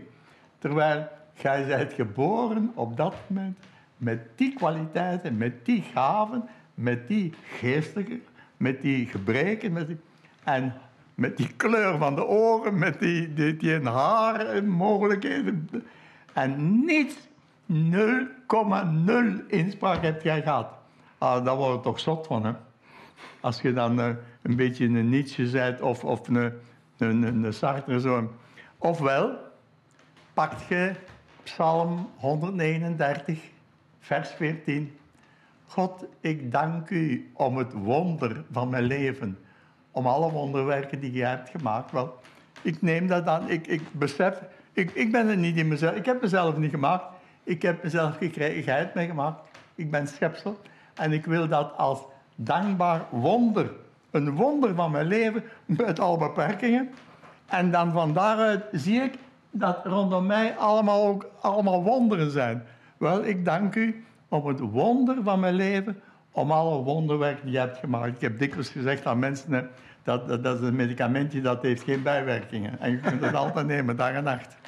Maar als je zo een ingesteldheid hebt, dus er zijn maar twee mogelijkheden. Ofwel word je zot, ofwel aanvaard je de realiteit van je schepping, schepsel zijn en in dankbaarheid. En je probeert ervan te maken wat er van te maken is. Maar vraagt wel nederigheid. Ja, Iets wat de moderne mens niet meer geeft. ja, dat is ook iets. De humus. Humus, dat is humulis. eh, eh, aan de grond, eh, tegen de grond, tegen de grond blijven. Ah, ja, ja, ja. Met, ze zeggen met twee voeten op de grond, ik hou daar niet van. Met één voet is genoeg, want met twee voeten dan, dan schiet de wortel. Hè. Dus één voet. En het wankele evenwicht, hè, dat is zeker zwank. Zo gaat je vooruit. Hè. Eén voet op de grond en zo verder. De, de nederigheid, ja. Maar dat denk ik ook, dat is, dat is een collectieve ziekte nu zo. Ik herinner me nog Kaan. Als dat de goede naam is die ik onthouden heb. In de jaren tachtig was dat een van de allergrootste economen ter wereld, een Amerikaan. Ik weet niet, was Daniel? Kaan. Ja, ja. Dus, Die man die kwam in Brussel hier vertellen dat de techniek nu zo ontwikkeld was dat ze eigenlijk alle problemen konden oplossen. En ik denk dat je gelijk had. Dat hij, dus de technische mogelijkheden, alles kon oplossen. Dus voor het jaar 2000 zouden alle problemen in de wereldfamilie opgelost. Hè. Hij heeft een kleine Arrogant. fout gemaakt. Hè. Maar dat zie je nu terugkomen bij mensen zoals eh, Harari, die, die man van het eh World ja. Economic Forum, die Oh. technocratische gedachte. Ja, Het komt gewoon altijd hoe- terug. hè. Hoe, hoe kom je... Dan zet je het ook al echt doorgedraaid. Hè? En, Ja. en ook zeggen van... eh, zeg, jij zult gelukkig zijn, jij zult niks hebben. Ja. Dan zeg je, ik zal alles hebben, ik ga alles overleven en jij zult gelukkig zijn. Ja, hoe kom je daar toch toe om een krankzinnige, een, een waanzin van, van Ja. een, een god van jezelf te maken? Zo. Maar ja, het is ook geen oplossing. Ik heb u in een van de uitzendingen horen zeggen, zo, eh, misschien moet je dat schrappen straks, maar eh, ik zou ze allemaal willen neerschieten. Maar daarna zijn er twee die nog erger zijn dan hen bovendien. Nee, dat is ook tegen het deelnemen, niet deelnemen aan het geweld natuurlijk. Ik zou ze niet willen neerschieten. Ik heb gewoon eens de strategische bedenking gemaakt. Zou dat een oplossing kunnen Ja, ja, zijn? ja, En het antwoord is nee. Nee. Dus ik ga nooit een terrorist zijn, omdat ik weet, Ja, ja. het zou niks oplossen. Want van het moment dat die plaatsen vakant zijn, Ja. zijn er drie om, om, om, om ze in te nemen. Dus het is een de is- mentaliteitsprobleem. De oplossing is natuurlijk wel het christendom en dat vraagt veel meer tijd. Jezus die zegt, hè, ik zal openbaren wat, wat verborgen geweest tot, eh, vanaf de grondvesting van de wereld. Dus, en op geen enkele wijze deelnemen aan het kwaad. Hij neemt het kwaad op zich. En al diegenen die het kwaad wel nu, ik veroordeel u niet. Ga heen, maar zondig niet meer. Probeer dus mensen tot veranderen te brengen. Maar dat is natuurlijk eh, iets van tijd, van geduld. En zelf op geen enkele wijze, dat is dan de bekoring van, zo gauw als ik kwaad is, ik, ik, ik wil mij verdedigen. Hè. Zo gauw als het is, je gaat mee in dat kwaad. Het kwaad dat is iets epidemisch, het geweld is iets epidemisch, waardoor men wordt eh, meegesleurd. Hè. Om daar niet in mee te stappen, op geen enkele wijze.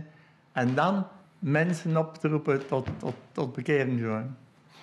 Ik, ik, ik denk aan die, eh, eh, die Kolbe, Maximilian Kolbe. Die moet ook geweldige dingen gedaan hebben voor die, voor die beul die, die, die bijna krankzinnig werd, omdat je hem niet kon aanzien. Dus eh, Maximilian Kolbe in het concentratiekamp was dan een vader die veroordeeld was, een huisvader, om, om te sterven als straf voor ik weet niet meer wat. En, en die en Kolbe zegt, zeg, mag ik zijn plaats innemen? En, neemt, de, de nazi's vonden dat goed en hij heeft zijn plaats ingenomen. En dan is hij de hongerdood gestorven, maar hij is heel lang blijven leven. En om een duur hebben ze moeten doodspuiten. Maar de manier waarop Kolbe die, die, die nazi aankeek, die man die werd daar gek van. Alleen uit, uit, uit liefde zo, van een man die zijn leven geeft voor een ander zo. Ja. En, en die, die vader, die is blijven leven dus, is leven uitkomt. En die heeft nog de heilige verklaring, of de, het proces, het begin van het proces van, van meegemaakt. Ja, het zijn prachtige verhalen. Ja, dat zijn... Want misschien is ons grootste wapen naar het kwade toe ontwapening. Ontwapening. Dat dat ons wapen is. Ja, ja. Als je mensen kunt raken en hen ontwapenen. Ja. Maar de, de, de, de neiging blijft. Hè? En dan is het... Ik heb die ook, hoor, die neiging. De, de, de, neiging die dingen zegt, die, eh, die, die, die René Girard zei in het begin, het nabootsend verlangen. Het is een goed verlangen ook, het is een goede nabootsing, maar de slechte nabootsing, die overweegt zo. Hè. Dus jij wilt dat, ook de neutrale, ik wil dat ook, ik wil dat ook. En, en dat dat zoveel rivaliteit, zoveel spanning, uiteindelijk een hele maatschappij die in rivaliteit tegen elkaar ging en dan uiteindelijk kristalliseert zich in rivaliteit allen tegen één. Want in geweld worden allen één. Hè? En in het, nogmaals, het, het passieverhaal vind je dat magnifiek, hè? hoe dat ehm, de Romeinse machthebbers en de Farizeeën, de grote vijanden, dat worden de vrienden. Ja. Dus in geweld worden allen hè. En niemand heeft relatie met het slachtoffer zelf rechtstreeks, maar iedereen is overtuigd, hij is schuldig, om dan te overleven en het kwaad zo gezegd te overwinnen. Daarna begint het opnieuw. Maar bij Jezus is het iets anders geweest. In plaats van een grote rust is er een onrust gekomen. En na de vrijheid en dan is er een explosie gekomen. Mooi, mooi, mooi. Ik denk dat we een goed gesprek hebben gehad. Dank u. Ehm, en als je wil, Daniel. Wel, we gaan dan doen we nog een gebed. Afsluiten met een gebedje. Bidden, dat is zo'n beetje zoals, ehm, zoals het lichaam zuurstof nodig heeft, zo heeft een mens die lichaam en geest is, gebed nodig. Dat is als een ademhaling. En voor zuurstof zegt je niet, weet je wat, ik ga ik nu tien keer ademhalen en dan is het genoeg. Of ik ga eens honderd, nee, nee, dat is, dat is uw leven. Ademhalen, dat is uw leven. En ik denk dat voor het diepste wezen, het gebed is ook, ook, ook het leven. Dat wil zeggen, uiteindelijk de verbondenheid, de, het besef dat God in het van mijn wezen leeft. En het verhaal van Jezus daaraan met die Samaritaans aan de put, dat is daar een mooi beeld van. Die Samaritaans die komt naar de put om water te halen, ze heeft dorst.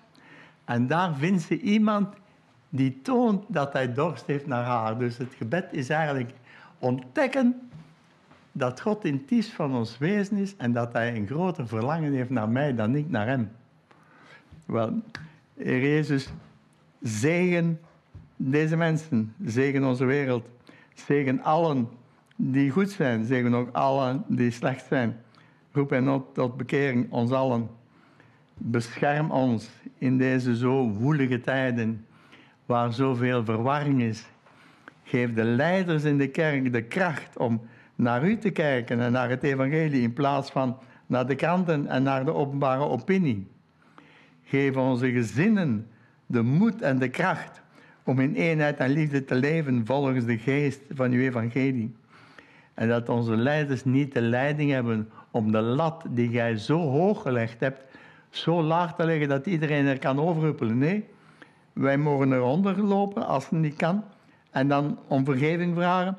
Maar wij mogen niet, niemand, ook geen bischop, ook geen paus heeft het recht om die lat lager te leggen. Gij zijt het die ons het ideaal geeft en die zegt aan ons, ook ik veroordeel u niet, maar ga heen en zondig niet meer. Zegen alle mensen, in welke omstandigheid ze ook zijn. Zegen ook vooral hen die zo weinig vanuit hun uh, uh, geweten leven. Mensen die zo onnoemelijk veel kwaad veroorzaken, zonder dat ze eigenlijk beseffen wat ze doen.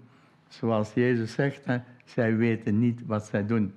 Zoals iemand die goed doet aan een ander eigenlijk ook niet weet echt het goede dat hij doet. Zegen ons, houd ons hart gericht op de waarheid en op de waardigheid van het leven. Bescherm ons, bescherm deze maatschappij, opdat wij u volgend tot doorheen de moeilijkheden van deze tijd komen tot dat nieuwe rijk dat gij ons zult geven. Heilige Maria, spreid de mantel van barmhartigheid over ons. Amen. En zegene ons allen, de Almachtige God, de Vader, de Zoon en de Heilige Geest. Amen. Halleluja. Dank u wel.